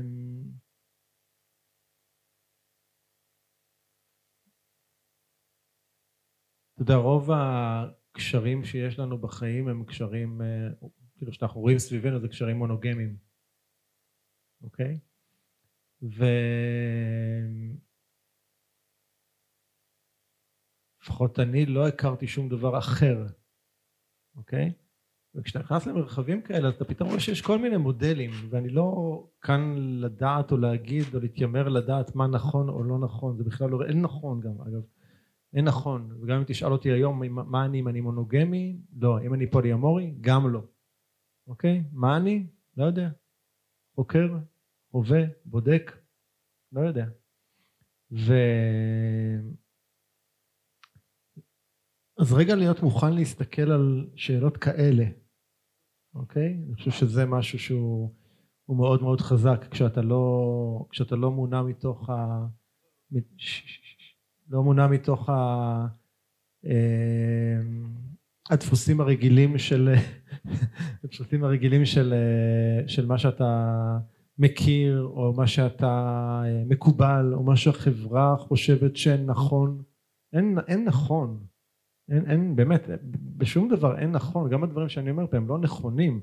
הם נכונים עבורי, עבור ערן ב-31 ליולי 2022 בשעה, whatever השעה, תשע נגיד, בסדר? זה כרגע לי נכון, אוקיי? זה לא עושה את זה נכון בשום צורה אחרת. אז, אבל אני חושב שהפתיחות רגע לחקור את הדבר הזה, וזה תהליכים מורכבים, יש בהם המון כאב, המון המון המון כאב, כאילו, מיניות זה נשמע נורא כיפי וסקסי, אחד התחומים הכי כואבים שעברתי דרכם, באמת, הכי כואבים. ועברתי שם עם עצמי תהליכי ריפוי מאוד מאוד מאוד משמעותיים, עם, עם מה זה מיניות בשבילי, ומה זה, וכל הדימוי גוף והדימוי העצמי שלי, וכל תפיסת הגבריות שלי, אוקיי? במיוחד אחרי הסרטן. עברתי דרך שערים מאוד מאוד לא פשוטים לחקור את המקומות האלה ולהיכנס אליהם ווואלה להסתכל ככה על הלבן של העיניים בכנות ולראות שמה. אז אני חושב שהמסר הוא, הוא להיות רגע מוכן להיכנס לאזורים האלה. אוקיי, עכשיו, אצלי זה המיניות, יכול להיות שאצל מישהו אחר זה אזורים אחרים בחיים, זה לא חייב להיות זה, אבל זה רגע באמת להיכנס לאזורים הכואבים ו, זה, זה, זה, זה בשבילי קצת ככה המקום הזה של המיניות ו, ולא לוותר עליה, אוקיי? ואני... יוצא לפעמים לשבת עם אנשים, אתה יודע, לקוחות וכאלה, ואתה מסתכל, ואני באמת, אני חושב שככל שאני העמקתי בתוכי, אז אחד הדברים שמאוד התחדדו אצלי זה, זה האינטואיציה, כאילו מאוד, כאילו מאוד מאוד התחדדה. ולפעמים אני רואה כאילו דברים, אז אני לא בא מהמקום שאני יודע שזה ככה, אבל אני שואל, אז אני מציע את זה כשאלה. ולפעמים אני פשוט רואה אצל אנשים שאני רואה שהשדה הזה הוא שדה, שדה כואב, אוקיי? או שהוא לא בא לידי ביטוי מספיק טוב, כמו שהיה עבורי. ופעם לא הייתי מעז להעלות דבר כזה. והיום אני מאוד בזהירות, כי זה נושא מאוד מורכב, אז אני שואל, כאילו, הוא מציע. ופתאום אני רואה, אפרופו שדיברנו על ליצור אינטימיות, אז אני משתף דברים משלי, ו, וזה מאפשר רגע לבן אדם להיפתח ולשתף בכנות מה הוא חווה. ואני חושב שהמקום הוא באמת לא לוותר על זה. לצערי אני חושב שיותר מדי אנשים ויתרו על ההיבט הזה בחיים שלהם. וזה, אתם יודעים, אנחנו עסוקים עם כל מיני דברים בחיים של כסף ופרנסה וילדים ומגורים וכל מיני דברים כאלה. וכאילו זה איכשהו נדחק שם לפריוריטי האחרון, לסדר העדיפות האחרון, כי צריך להתפרנס, כי צריך זה, כי צריך זה. אבל האמת היא שעם הדבר הזה, שאני חושב שהוא אחד הדברים הבסיסיים ברצונות שלנו, בצרכים שלנו, אם הוא עובד טוב, אז כל שאר הדברים עפים אחר כך. אז זה לגבי המיניות. אה, אהבה, רוצה להגיד משהו? אה, זה חלק א', לא ידעתי. אתה התחלת. בסדר, אה, תמשיך. אהבה, אנחנו כאן? אהבה, אה, הבחנה לא שלי, של המטפלת שלי, ששאלתי אותה באיזה אחד הסיבובים, אה, אז רגע, אז מה זאת אהבה? תגדירי לי מה זו אהבה, כי, כי הבנתי שאני לא באמת יודע מה זאת אהבה. והיא אמרה לי, אהבה נותנת לך אוויר מתחת לכנפיים. אני חושב שזו הגדרה שנשארה איתי מאז, אהבה נותנת לך אוויר מתחת לכנפיים. ואני חושב שזה משהו, שאלה שצריך להסתכל עליה, אם זה באמת מה שיש בקשר, אוקיי? שאלה קשוחה אגב, לא לבעלי לב חלש. הגדרה מהממת. אני, כשאתה מדבר אז משהו עובר לי וזה קשור, כאילו זה איזו זירה של הרבה דברים שדיברנו עליהם היום. זה המקום הזה של, אני הייתי נורא סטואיקן, פילוסופיה, סטואיז, סטואיזם ופילוסופיה שמדברת כתורת האדישות של יש מנעד נורא נורא ספציפי וכל דבר שקורה הוא לא טוב והוא לא רע הוא פשוט קורה וצריך להסתכל עליו בעיניים פרקטיות של סבבה זה קרה מה המחירים שכרגע אנחנו משלמים איך אני נערך למול הדבר הזה מה הפעולות שאני עושה קדימה. הסתכלות שהיא יש בה המון טכניות. ואז היא מייצרת מנעד חיים שהוא מסוים. לא מתלהבים יותר מדי אבל מהצד השני גם לא חווים יותר מדי.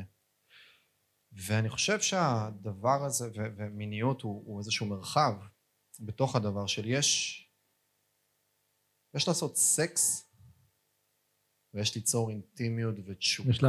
ולעשות אהבה יש להיות ברגע הזה שאני לא מעניינת אותי כרגע וסליחה על הצרפתית והבוטות החדירה מעניינת אותי הנשמה שעומדת מולי ואני מצליח להתמזג לתוכה כרגע, ברגע שכל הקיום כולו וכל הנוכחות כולה מתכנסת לתוך הרגע הזה. ורובנו לא חווים את זה, רובנו עושים נכון. סקס. ויש לחוות אינטראקציה, יש לחוות שיחה, ויש לחוות שיחה אינטימית. נכון. ששיחה אני לא זוכר, אבל שיחה אינטימית מרטיטה לי את הגוף ואת הנפש ואת היא כל נצרבת כולי. כחוויה. וכשאני מסתכל על המרחב של המיניות, ושוב, אין לי הרבה קילומטראז', בכל זאת, 28. זה מרחב, חוכמת חיים של בן 60. זה מרחב, אני קופי פייסט טוב. זה מרחב שהוא מאמת אותך לא לוגית עם דברים. הוא מאמת אותך עם כל נים ונים ותא בגוף מזדקר. ויש הזדמנות בתוך המרחב הזה לגלות עצמנו. לגמרי. ולגלות מהי נוכחות, ואיך כל הקיום כולו מתכנס לרגעים, כי בסוף הרי מה אנחנו רוצים?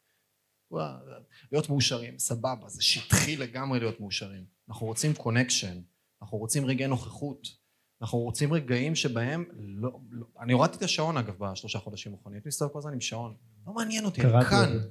מה? קראתי, אה, כתב. כתבתי לך את זה, כן, שלחתי לך את זה. נכון.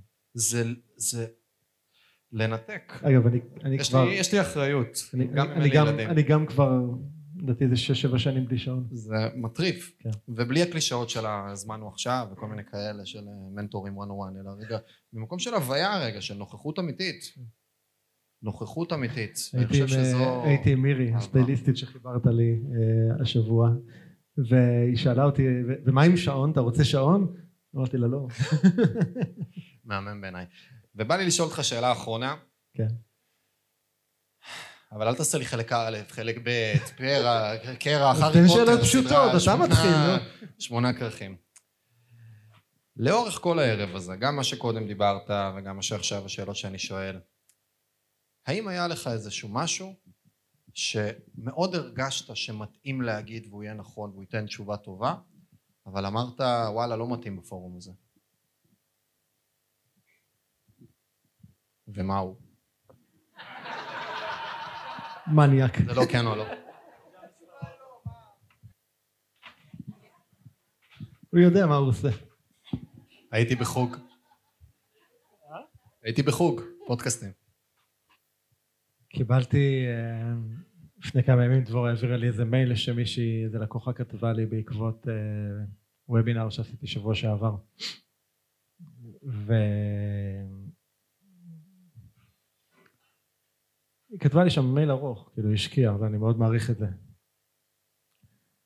והיא כתבה לי שהיא מאוד מעריכה, והיא מאוד uh, עוקבת אחרי הרבה מאוד שנים, ומאוד אוהבת, ואז היא כתבה, ואז בוובינר uh, הבנתי, כאילו אמרת. ש כאילו עברת גם גירושים, ו...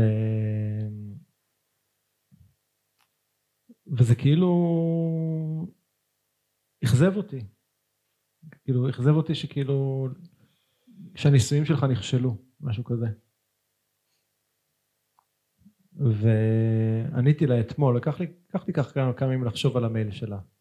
ועניתי לה אתמול ש... שאני לא רואה את זה ככה. אני לא רואה את זה שהנישואים שלי נכשלו.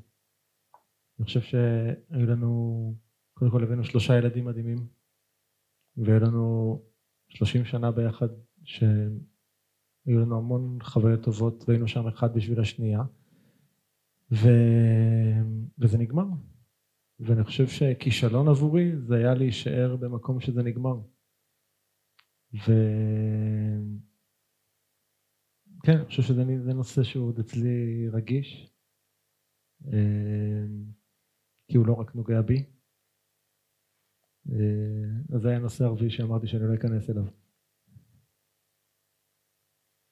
תודה ששיתפת. כפיים לערן שטרן.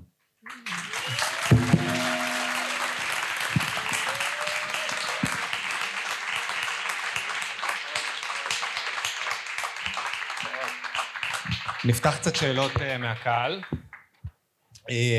מי בא לו לשאול שאלה? את האיש הנפלא והנהדר הזה שבאמת חי באינטימיות ובכנות ובפתיחות וממשיך לעשות את זה כל הזמן. צפו לתשובות אה, כנות אבל, כן? כאילו לא... אני, אני רגע מנסה לחדד, האם היה מצבים שבהם פשוט החלט, ערן החליט לשים את הפרסונה שלו בצד ופשוט להתנהג בדרך אחרת לחלוטין, כאילו? אמ, אז הזכרתי קודם אה, שאת ורד הכרתי בסדנה של מיניות. אה, כשנרשמתי לסדנה הזאת ידעתי שיהיו שם לקוחות שלי, אוקיי? אה, רק לא ידעתי כמה. ולא משחקים תופסת. ולא משחקים תופסת. אולי, אולי, אבל... אז זה לגמרי מקרה שבו החלטתי לשים את הפרסונה בצד ולהגיד fuck את יצא, יש להסתובב בוואטסאפ איזושהי תמונה כזאת מגניבה, יאללה קוסומו בוא נעשה את זה, זה היה כזה. אה, וכן, ואז גיליתי שהיו שם שלושה לקוחות ועוד כמה שנמצאים ברשימת התפוצה שלי.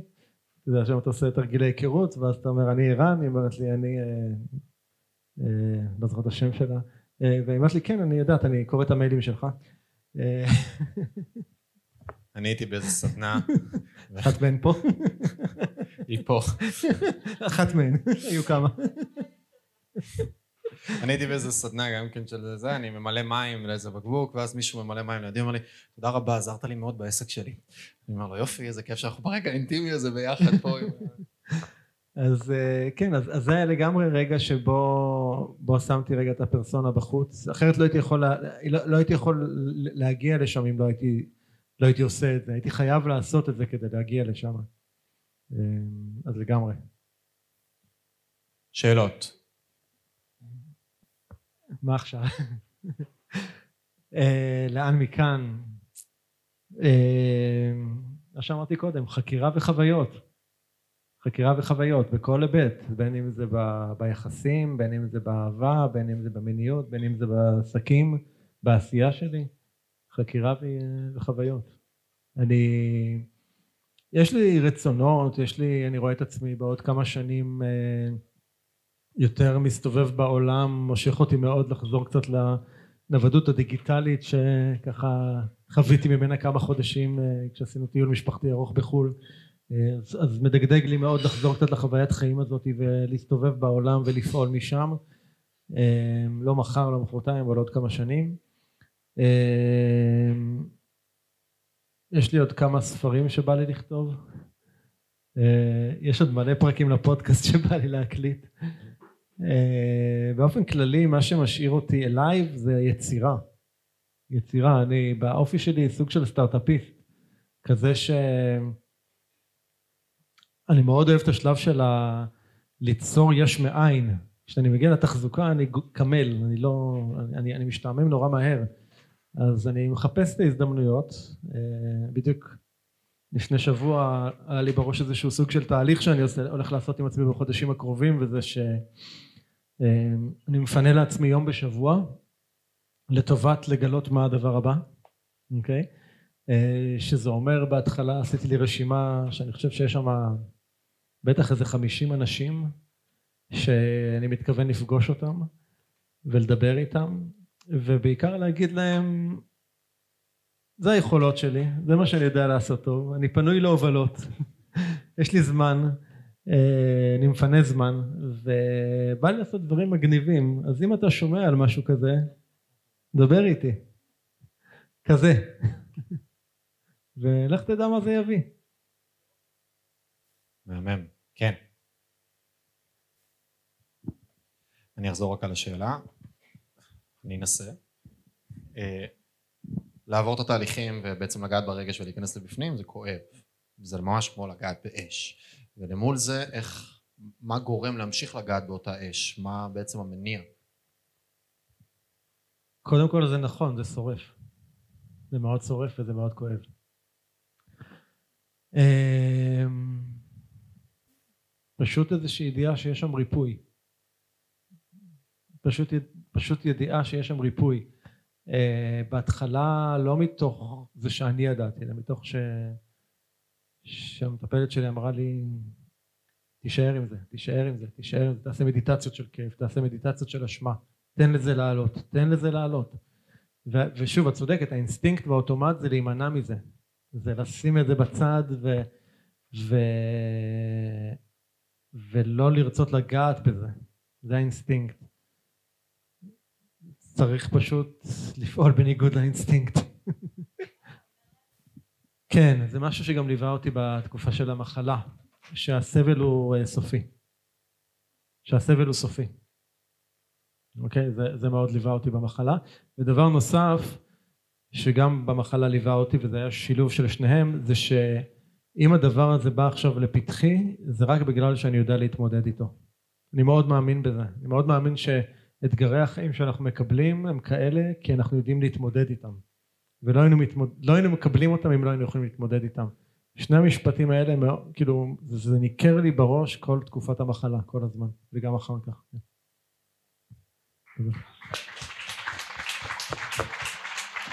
כן. איך השם? אמיר. האם יש אורח ש... האם- יש אורח אה, ש... אי אפשר, אי אפשר. או אני או אתה. אתה צריך. להחליט. שתלטן שבי. האם יש אורח שרצית להזמין ולא הזמנת? או התביישת, או תכננת, או רצית? אני גם חוזר להקלטה, כן, לא רק לכם, אתם שומעים. כן. יש לי רשימה, יש לי רשימה של אה, אורחים אה, שבא לי לראיין. אני מנסה רגע, אז יש שם עוד שמות שעוד לא פניתי עליהם, אני מנסה להיזכר. אה, אבל מישהו שאתה כזה, כאילו, מתבייש, או מובך, או אני- לא אני לא סגור, יודע- אני לא יודע אם ה- אם המתבייש זה העניין, אני לא חושב שזה מקום של מתבייש. אה, אני אוהב לפנות לאנשים כשיש לי איזושהי דלת להגיע אליהם ולא סתם לפנות, אוקיי? אתן לך דוגמה, נועם חורב שהיה אצלך. אה, פניתי אליו בפייסבוק, הוא ענה לי, נועם מאוד בא לי להביא אותו, הספר שלו בא על השולחן סלון, אני מקריא ממנו קטעים במפגש הסיום של עושים שינוי, אני מאוד אוהב, הוא כאילו כל... כל קטע שלו זה כאילו נכנס לך ללב, עושה שם איזה ערבוב ויוצא. ופניתי אליו, והוא הביע נכונות והעביר אותי לאיזושהי אה, מישהי שערבבה אותי ו... ושם נעלמו עקבותיה. אה, אז כאילו, ולא עשיתי עוד את הפנייה מחדש. ו... אז זה לדוגמה מישהו, אבל זה לא ממקום של בושה, זה רגע, אני מחפש רגע את הדלת, את הדרך גישה. אה, המון שנים, המון שנים רציתי לראיין את פרס. היה לי ממש רצון ואני כאילו לא, הוא היה מנותק, הרצון היה מנותק מההתחשבות במציאות ובגיל שלו וכשהיינו בטיול הגדול בחו"ל אה, הוא נפטר ואני זוכר שהיינו לדעתי בתאילנד ושמעתי שהוא נפטר והתבאסתי כל כך כאילו התבאסתי על עצמי שלא, שלא פניתי קודם כן שתי שאלות אחרונות. כן. איך השם? גיא איזה שאלות אתה שואל את עצמך כדי לראות שאתה בדרך הנכונה לך? אז פעם הייתי שואל אה, שאלות של היגיון, האם זה נכון, האם יש בזה ROI, האם זה ישתלם, בלה בלה בלה. היום אני שואל איך זה מרגיש לי. איך זה מרגיש לי. אוקיי, מרגיש לי נכון או מרגיש לי לא נכון, מרגיש לי טוב או לא מרגיש לי טוב, כזה. אני מחדד, אה, האם יש לך איזה שהן שאלות שאתה שואל את עצמך לא למול סיטואציה ספציפית, אלא שאלות צ'קאפ כלליות כאלה שפותחות אותך רגע להבין האם אתה on the path? שאלות האחרות זה מה בא לי, כאילו, אוקיי, איזה חוויה בא לי, איזה, איזה התנסות אני רוצה, אני מבקש. אמ, אתה יודע, זה יכול להיות בהמון רבדים, זה יכול להיות על באמת שיחה על חלומות, רצונות, פנטזיות, מה שזה לא יהיה. מה בא לי? מה בא לי לחוות? מה, מה בא לי לחוות שעוד לא חוויתי? זה כאילו עובר לידינו המב"לי הזה שערן אומר, אבל זה כל כך לא טריוויאלי. כאילו, להיות בן אדם ששואל מה בא לו. מה בא לי? מה בא לי כן. לזמן לי לחיים? מה בא לי להכניס לי לחיים? ולהיות באיזושהי תודעה שאם אני רוצה, אני יודע להכניס את זה לתוך החיים שלי מכל מיני מישורים. כן, ואני אני רוצה להגיד על זה משהו כי אולי עובר פה לאנשים בראש. אה, כן, זה נחמד אה, מה בא לי, אבל אתה בטח צריך שיהיה לך את האמצעים ואת המשאבים ואת הזמן ואת הפניות, ומה שיש לי להגיד על זה זה מילה אחת, Bullshit. לא קשור. Bullshit? לא, בעברית. Bullshit בעברית, מילה אחת. אה, אני חושב ש, שזה לא קשור, לא תמיד יש לי את האמצעים ולא תמיד יש את המשאבים ולא תמיד יש את הפניות, זה עניין של סדרי עדיפות. זה עניין של סדרי עדיפות ומה באמת חשוב לנו. אה, אנחנו משתמשים הרבה בסיפור הזה כדי כדי לתרץ לעצמנו למה זה כן או לא לעשות דבר כזה. שאלה אחרונה. אם אני מנסה לזקק את השאלה ותגידי לי אם אני צודק, איך אני כמה שיותר מנקה את ההחלטה שלי שתהיה ממקום אינטואיטיבי ולא מושלכים עליה הרבה אזורים של, אה, של, של mind יותר. אמ, בדרך כלל כמו שעשינו בתרגיל קודם של האינטימיות ואמרתי לכם תחשבו על, ה, על הדבר הראשון שעולה לכם אז בדרך כלל זה, זה יהיה סוג של האינטואיציה כי השכל נכנס אחרי זה ואנחנו מתחילים להגיד זה כן נכון זה לא נכון.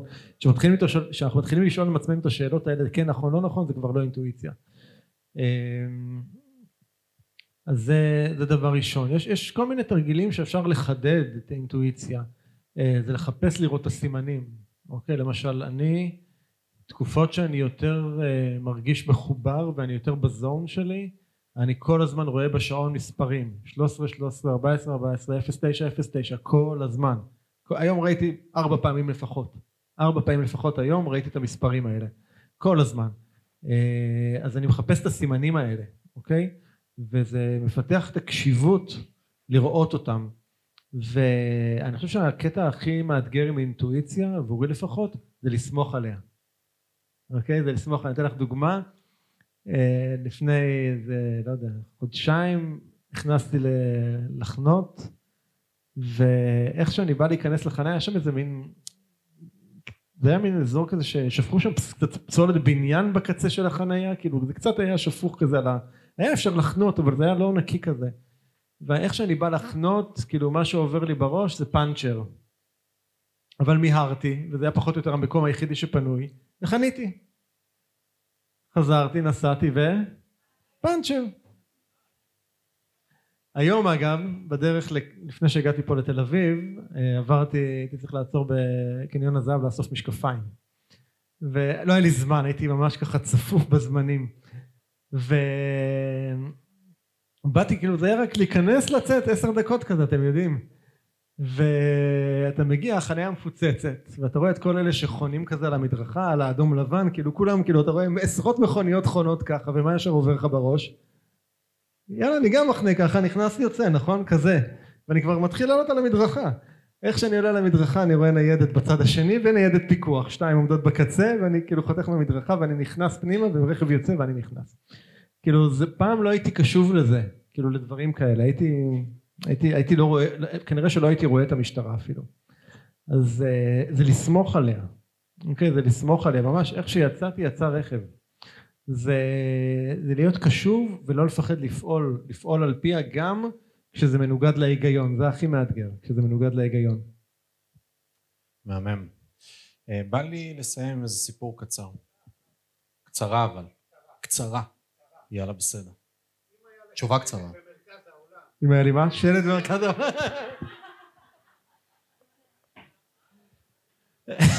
אחלה שאלה, שאל.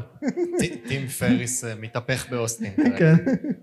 אם היה לך שלט, אני אפילו אוסיף את זה כמו כן. שאני שואל את זה, שלט אה, חינם אין כסף למשך חודש על איילון, מה היית כותב עליו? תעשו הרבה אהבה. והייתי מוסיף בסוגריים לא סקס. לא סקס. אז לסיום, אה, יש איזו הרצאה בטד, עולה איזה בחור כזה עם כובע קאובוי גדול לבמה ומתחיל לספר איזשהו סיפור שהוא התהלך באיזה קמפוס של איזה קולג' ביום הרישום של סטודנטים. והגיעו ליום רישום הזה כל מיני סוגים של סטודנטים. והגיעו זוג הורים עם ילדה שספק רצתה להירשם, ספק הכריחו אותה להירשם והייתה באיזושהי נקודה כזאת עם עצמה שהיא אמרה להורים שלה תקשיבי תקשיבו בואו בוא נגיע לשם ואני אקבל החלטה במקום אני אראה מה מרגיש לי ואותו בחור עם כובע קאובוי מתחיל לטייל שמה באזור ומתחיל לחלק סוכריות לאנשים שנמצאים ועומדים בתור. אז הוא מגיע לאותה ילדה שההורים שלה לידה והוא מביא לה סוכריה והיא לוקחת. לא, להפך, הוא לוקח את הסוכריה והוא נותן אותה לבחור על ידה הוא אומר תן את, הבחור, את הסוכריה הזאת לבחורה היפה שעל ידך. והוא לוקח את הסוכריה נותן לה באיזה בושה כזאת ואז הבחור עם הכובע קאובוי מסתכל על ההורים שלו ואומר לה תראו מה זה ילדה יום אחד מחוץ לבית וכבר היא לוקחת סוכריות מזרים אז היה שם איזה רגע כזה אינטימי שהם קצת אה, צחקו. אה, וזהו הוא התהלך לו נתן סוכריה באותו רגע היא פתאום הרגישה חיבור לעוד אנשים, הרגישה אינטימיות מסוימת, היא הרגישה רגע של אמת כנראה או איזה נקודה מסוימת של משהו. והיא החליטה להירשם. כמה שנים מאוחר יותר הוא מקבל אה, שיחת טלפון או הזמנה לחתונה של אותם אנשים של אותו גבר שהוא נתן, לאותה בחור שהוא נתן לה את הסוכריה, לתת לה. ואותו רגע קטן שהוא עבר וטייל ונתן סוכריה שהיא כביכול meaningless, אין בזה, איזושהי, אין בזה איזשהו עומק מסוים, השטחי, גרם לזה שהיא החליטה להירשם וגרם לזה שהם בנו בית ביחד. ולכולנו יש מלא רגעי, הוא קורא לזה בהרצאה, הוא אומר זה lollipop moments. רגעי סוכריה על מקל, רגעים שהם עושים איזה pivot בחיים, עושים איזה שינוי, עושים איזה משהו כזה שגורם לבן אדם רגע לזוז, והרגעים האלה הרבה פעמים הם לא משמעותיים. זה לא פתאום איזה שיחת טלפון מהראלה, וזה לא פתאום איזה קרייסיס של איזה מישהו עבר איזה תאונת דרכים. הרבה פעמים הרגעים האלה הם נמצאים והם נוכחים כל הזמן סביבנו. וכל מה שצריך זה קשיבות, נוכחות ואומץ. ואני מקווה שהערב הזה הוא יהיה מין סוג של lollipop moment עבורכם. לא כי התהפכתם כאן, לא כי הכרתם את זה, אלא כי לקחתם איזה משפט אחד שעכשיו אתם תתהלכו איתו בשבועות הקרובים. לקחתם אולי איזושהי החלטה לזוז במיניות, במרחב הזה של הסקס ולהפוך אותו למיניות ולאהבה. אולי להיות קצת יותר כן או אמיתי עם עצמי, אולי לקחת איזה חבר שאני צריך איתו איזו שיחה כנה ואמיתית ולעשות את זה. וזה משהו שאני מגלה כל הזמן סביבי, כמה משאבים ואושר בעין יש סביבנו כל הזמן אם רק אנחנו עושים איזה שהן פעולות. ומהערב הזה אני חושב שאפשר לקחת ולהפוך אותו ללוליפופ מומנט וזו בחירה שלנו. אז אני מודה לכולכם על היותכם.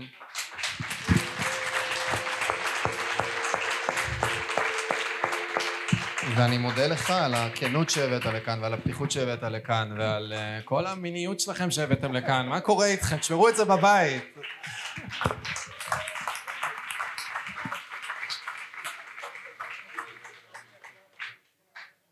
עכשיו רוקדים. אז רגע, אז לפני הרוקדים שנייה, נו, מה לעשות רגע. אז אני רוצה כן ככה גם להגיד כמה מילים ובעיקר תודות. אמ, אז אה, קודם כל אני רוצה להגיד אה, אה, תודה למיכאל ש... שהוציא ממני דברים שלא חשבתי שמישהו יוציא ממני. ושאתגר אותי לעשות את הערב הזה במתכונת הזה שבי פאר אה, יותר מוצלח ממה שאני חשבתי לעשות. אז תודה. אה, אני רוצה להגיד תודה לשתי נשים מאוד מאוד מיוחדות שמלוות אותי כבר תקופה מאוד ארוכה. והם באמת אה, אתם יודעים אני 17 שנים מאז שיצאתי לדרך עצמאית אבל רק באמת ב, ב, בשנה שנתיים האחרונות האלה שאנחנו ככה עושים שינוי ככה בצורה כזאת אינטימית וקרובה אני מרגיש שיש באמת שיש לי באמת אה, מישהו לידי שאני יכול לסמוך עליו בלב שלם ולנסוע לסיני לשבוע ולא לדאוג ולדעת שהכל אה, מתקתק וקורה ושהן אה, מעבירות אותי את העולם שלי את הדרך שלי דרך שלנו בצורה הכי טובה שיש אז דבורה ומיכל המון המון המון תודה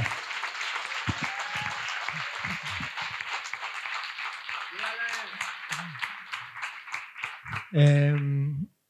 האירוע הזה זה בעצם לרגל פרק 100 של הפודקאסט עושים שינוי ואני רוצה להגיד אה, בעצם אה, תודה לתומר וניר הבנים שלי שיש להם את הסוכנות פודקאסטים ווידו שבעצם גורמים לדבר הזה מופלא להגיע אליכם ולוורד ודניאל בצוות שלהם שעובדים על זה. תודה. אה, אני רוצה להגיד תודה יש פה לא מעט אה, חבר'ה שהתראיינו אצלי בפודקאסט. אתם יכולים לעמוד רגע? כל מי שהתראיין אצלי בפודקאסט לעמוד רגע? אתם יכולים? לעמוד רגע? תעמדו תעמדו תעמדו רגע אז יש פה לא מעט מהם. אז אני רוצה להגיד לכם המון המון המון המון תודה. אתם אתם יודעים בזכותכם הדבר הזה מתקיים והמון המון תודה לכם.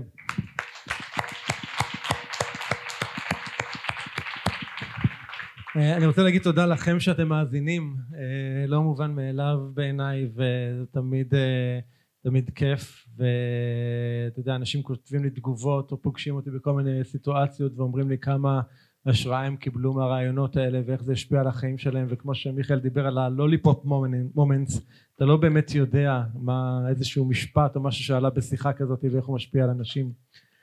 אה, יש כאן גם לא מעט אה, חברים ואנשים טובים וקרובים אליי שאני מאוד מאוד מאוד אוהב שמלווים אותי כבר הרבה מאוד שנים אז אני רוצה להגיד גם לכם תודה שאתם כאן איתי. אה, אני רוצה להגיד תודה לפאב הדבלין ולסני המנהל אני לא יודע אם הוא פה. איפה סני שאירחו אותנו באווירה המהממת הזאת זהו ותודה אחרונה אני רוצה להגיד לוורד אהובתי שנותנת לי אוויר מתחת לכנפיים תודה אוהב אותך. תודה לכם, ערב טוב.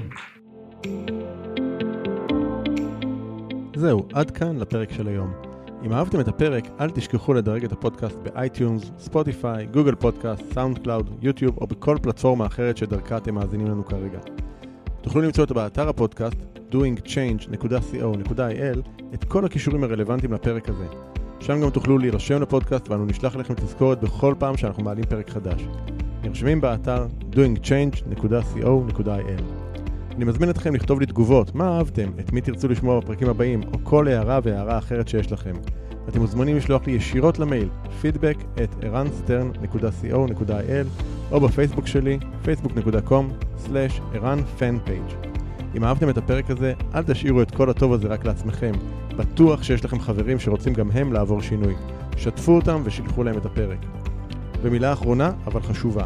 אם קיבלתם השראה מהפודקאסט ואתם מרגישים את השינוי בוער בכם, אם החלטתם שאתם רוצים שינוי ואתם מוכנים לעשות את מה שצריך, ולא את מה שנוח, כדי ליצור את השינוי הזה בחיים שלכם, אני מזמין אתכם לתאם איתנו שיחת בהירות, ללא עלות וללא התחייבות. בשיחה הזו נעזור לכם להתמקד ולהבין כיצד לקדם את השינוי בחייכם. לתיאום השיחה ייכנסו לאתר ערנסטרן.co.il/doingchange ושוב, ערנסטרן.co.il/doingchange אני ערן שטרן, שמח שהאזנתם ונשתמע בפרק הבא.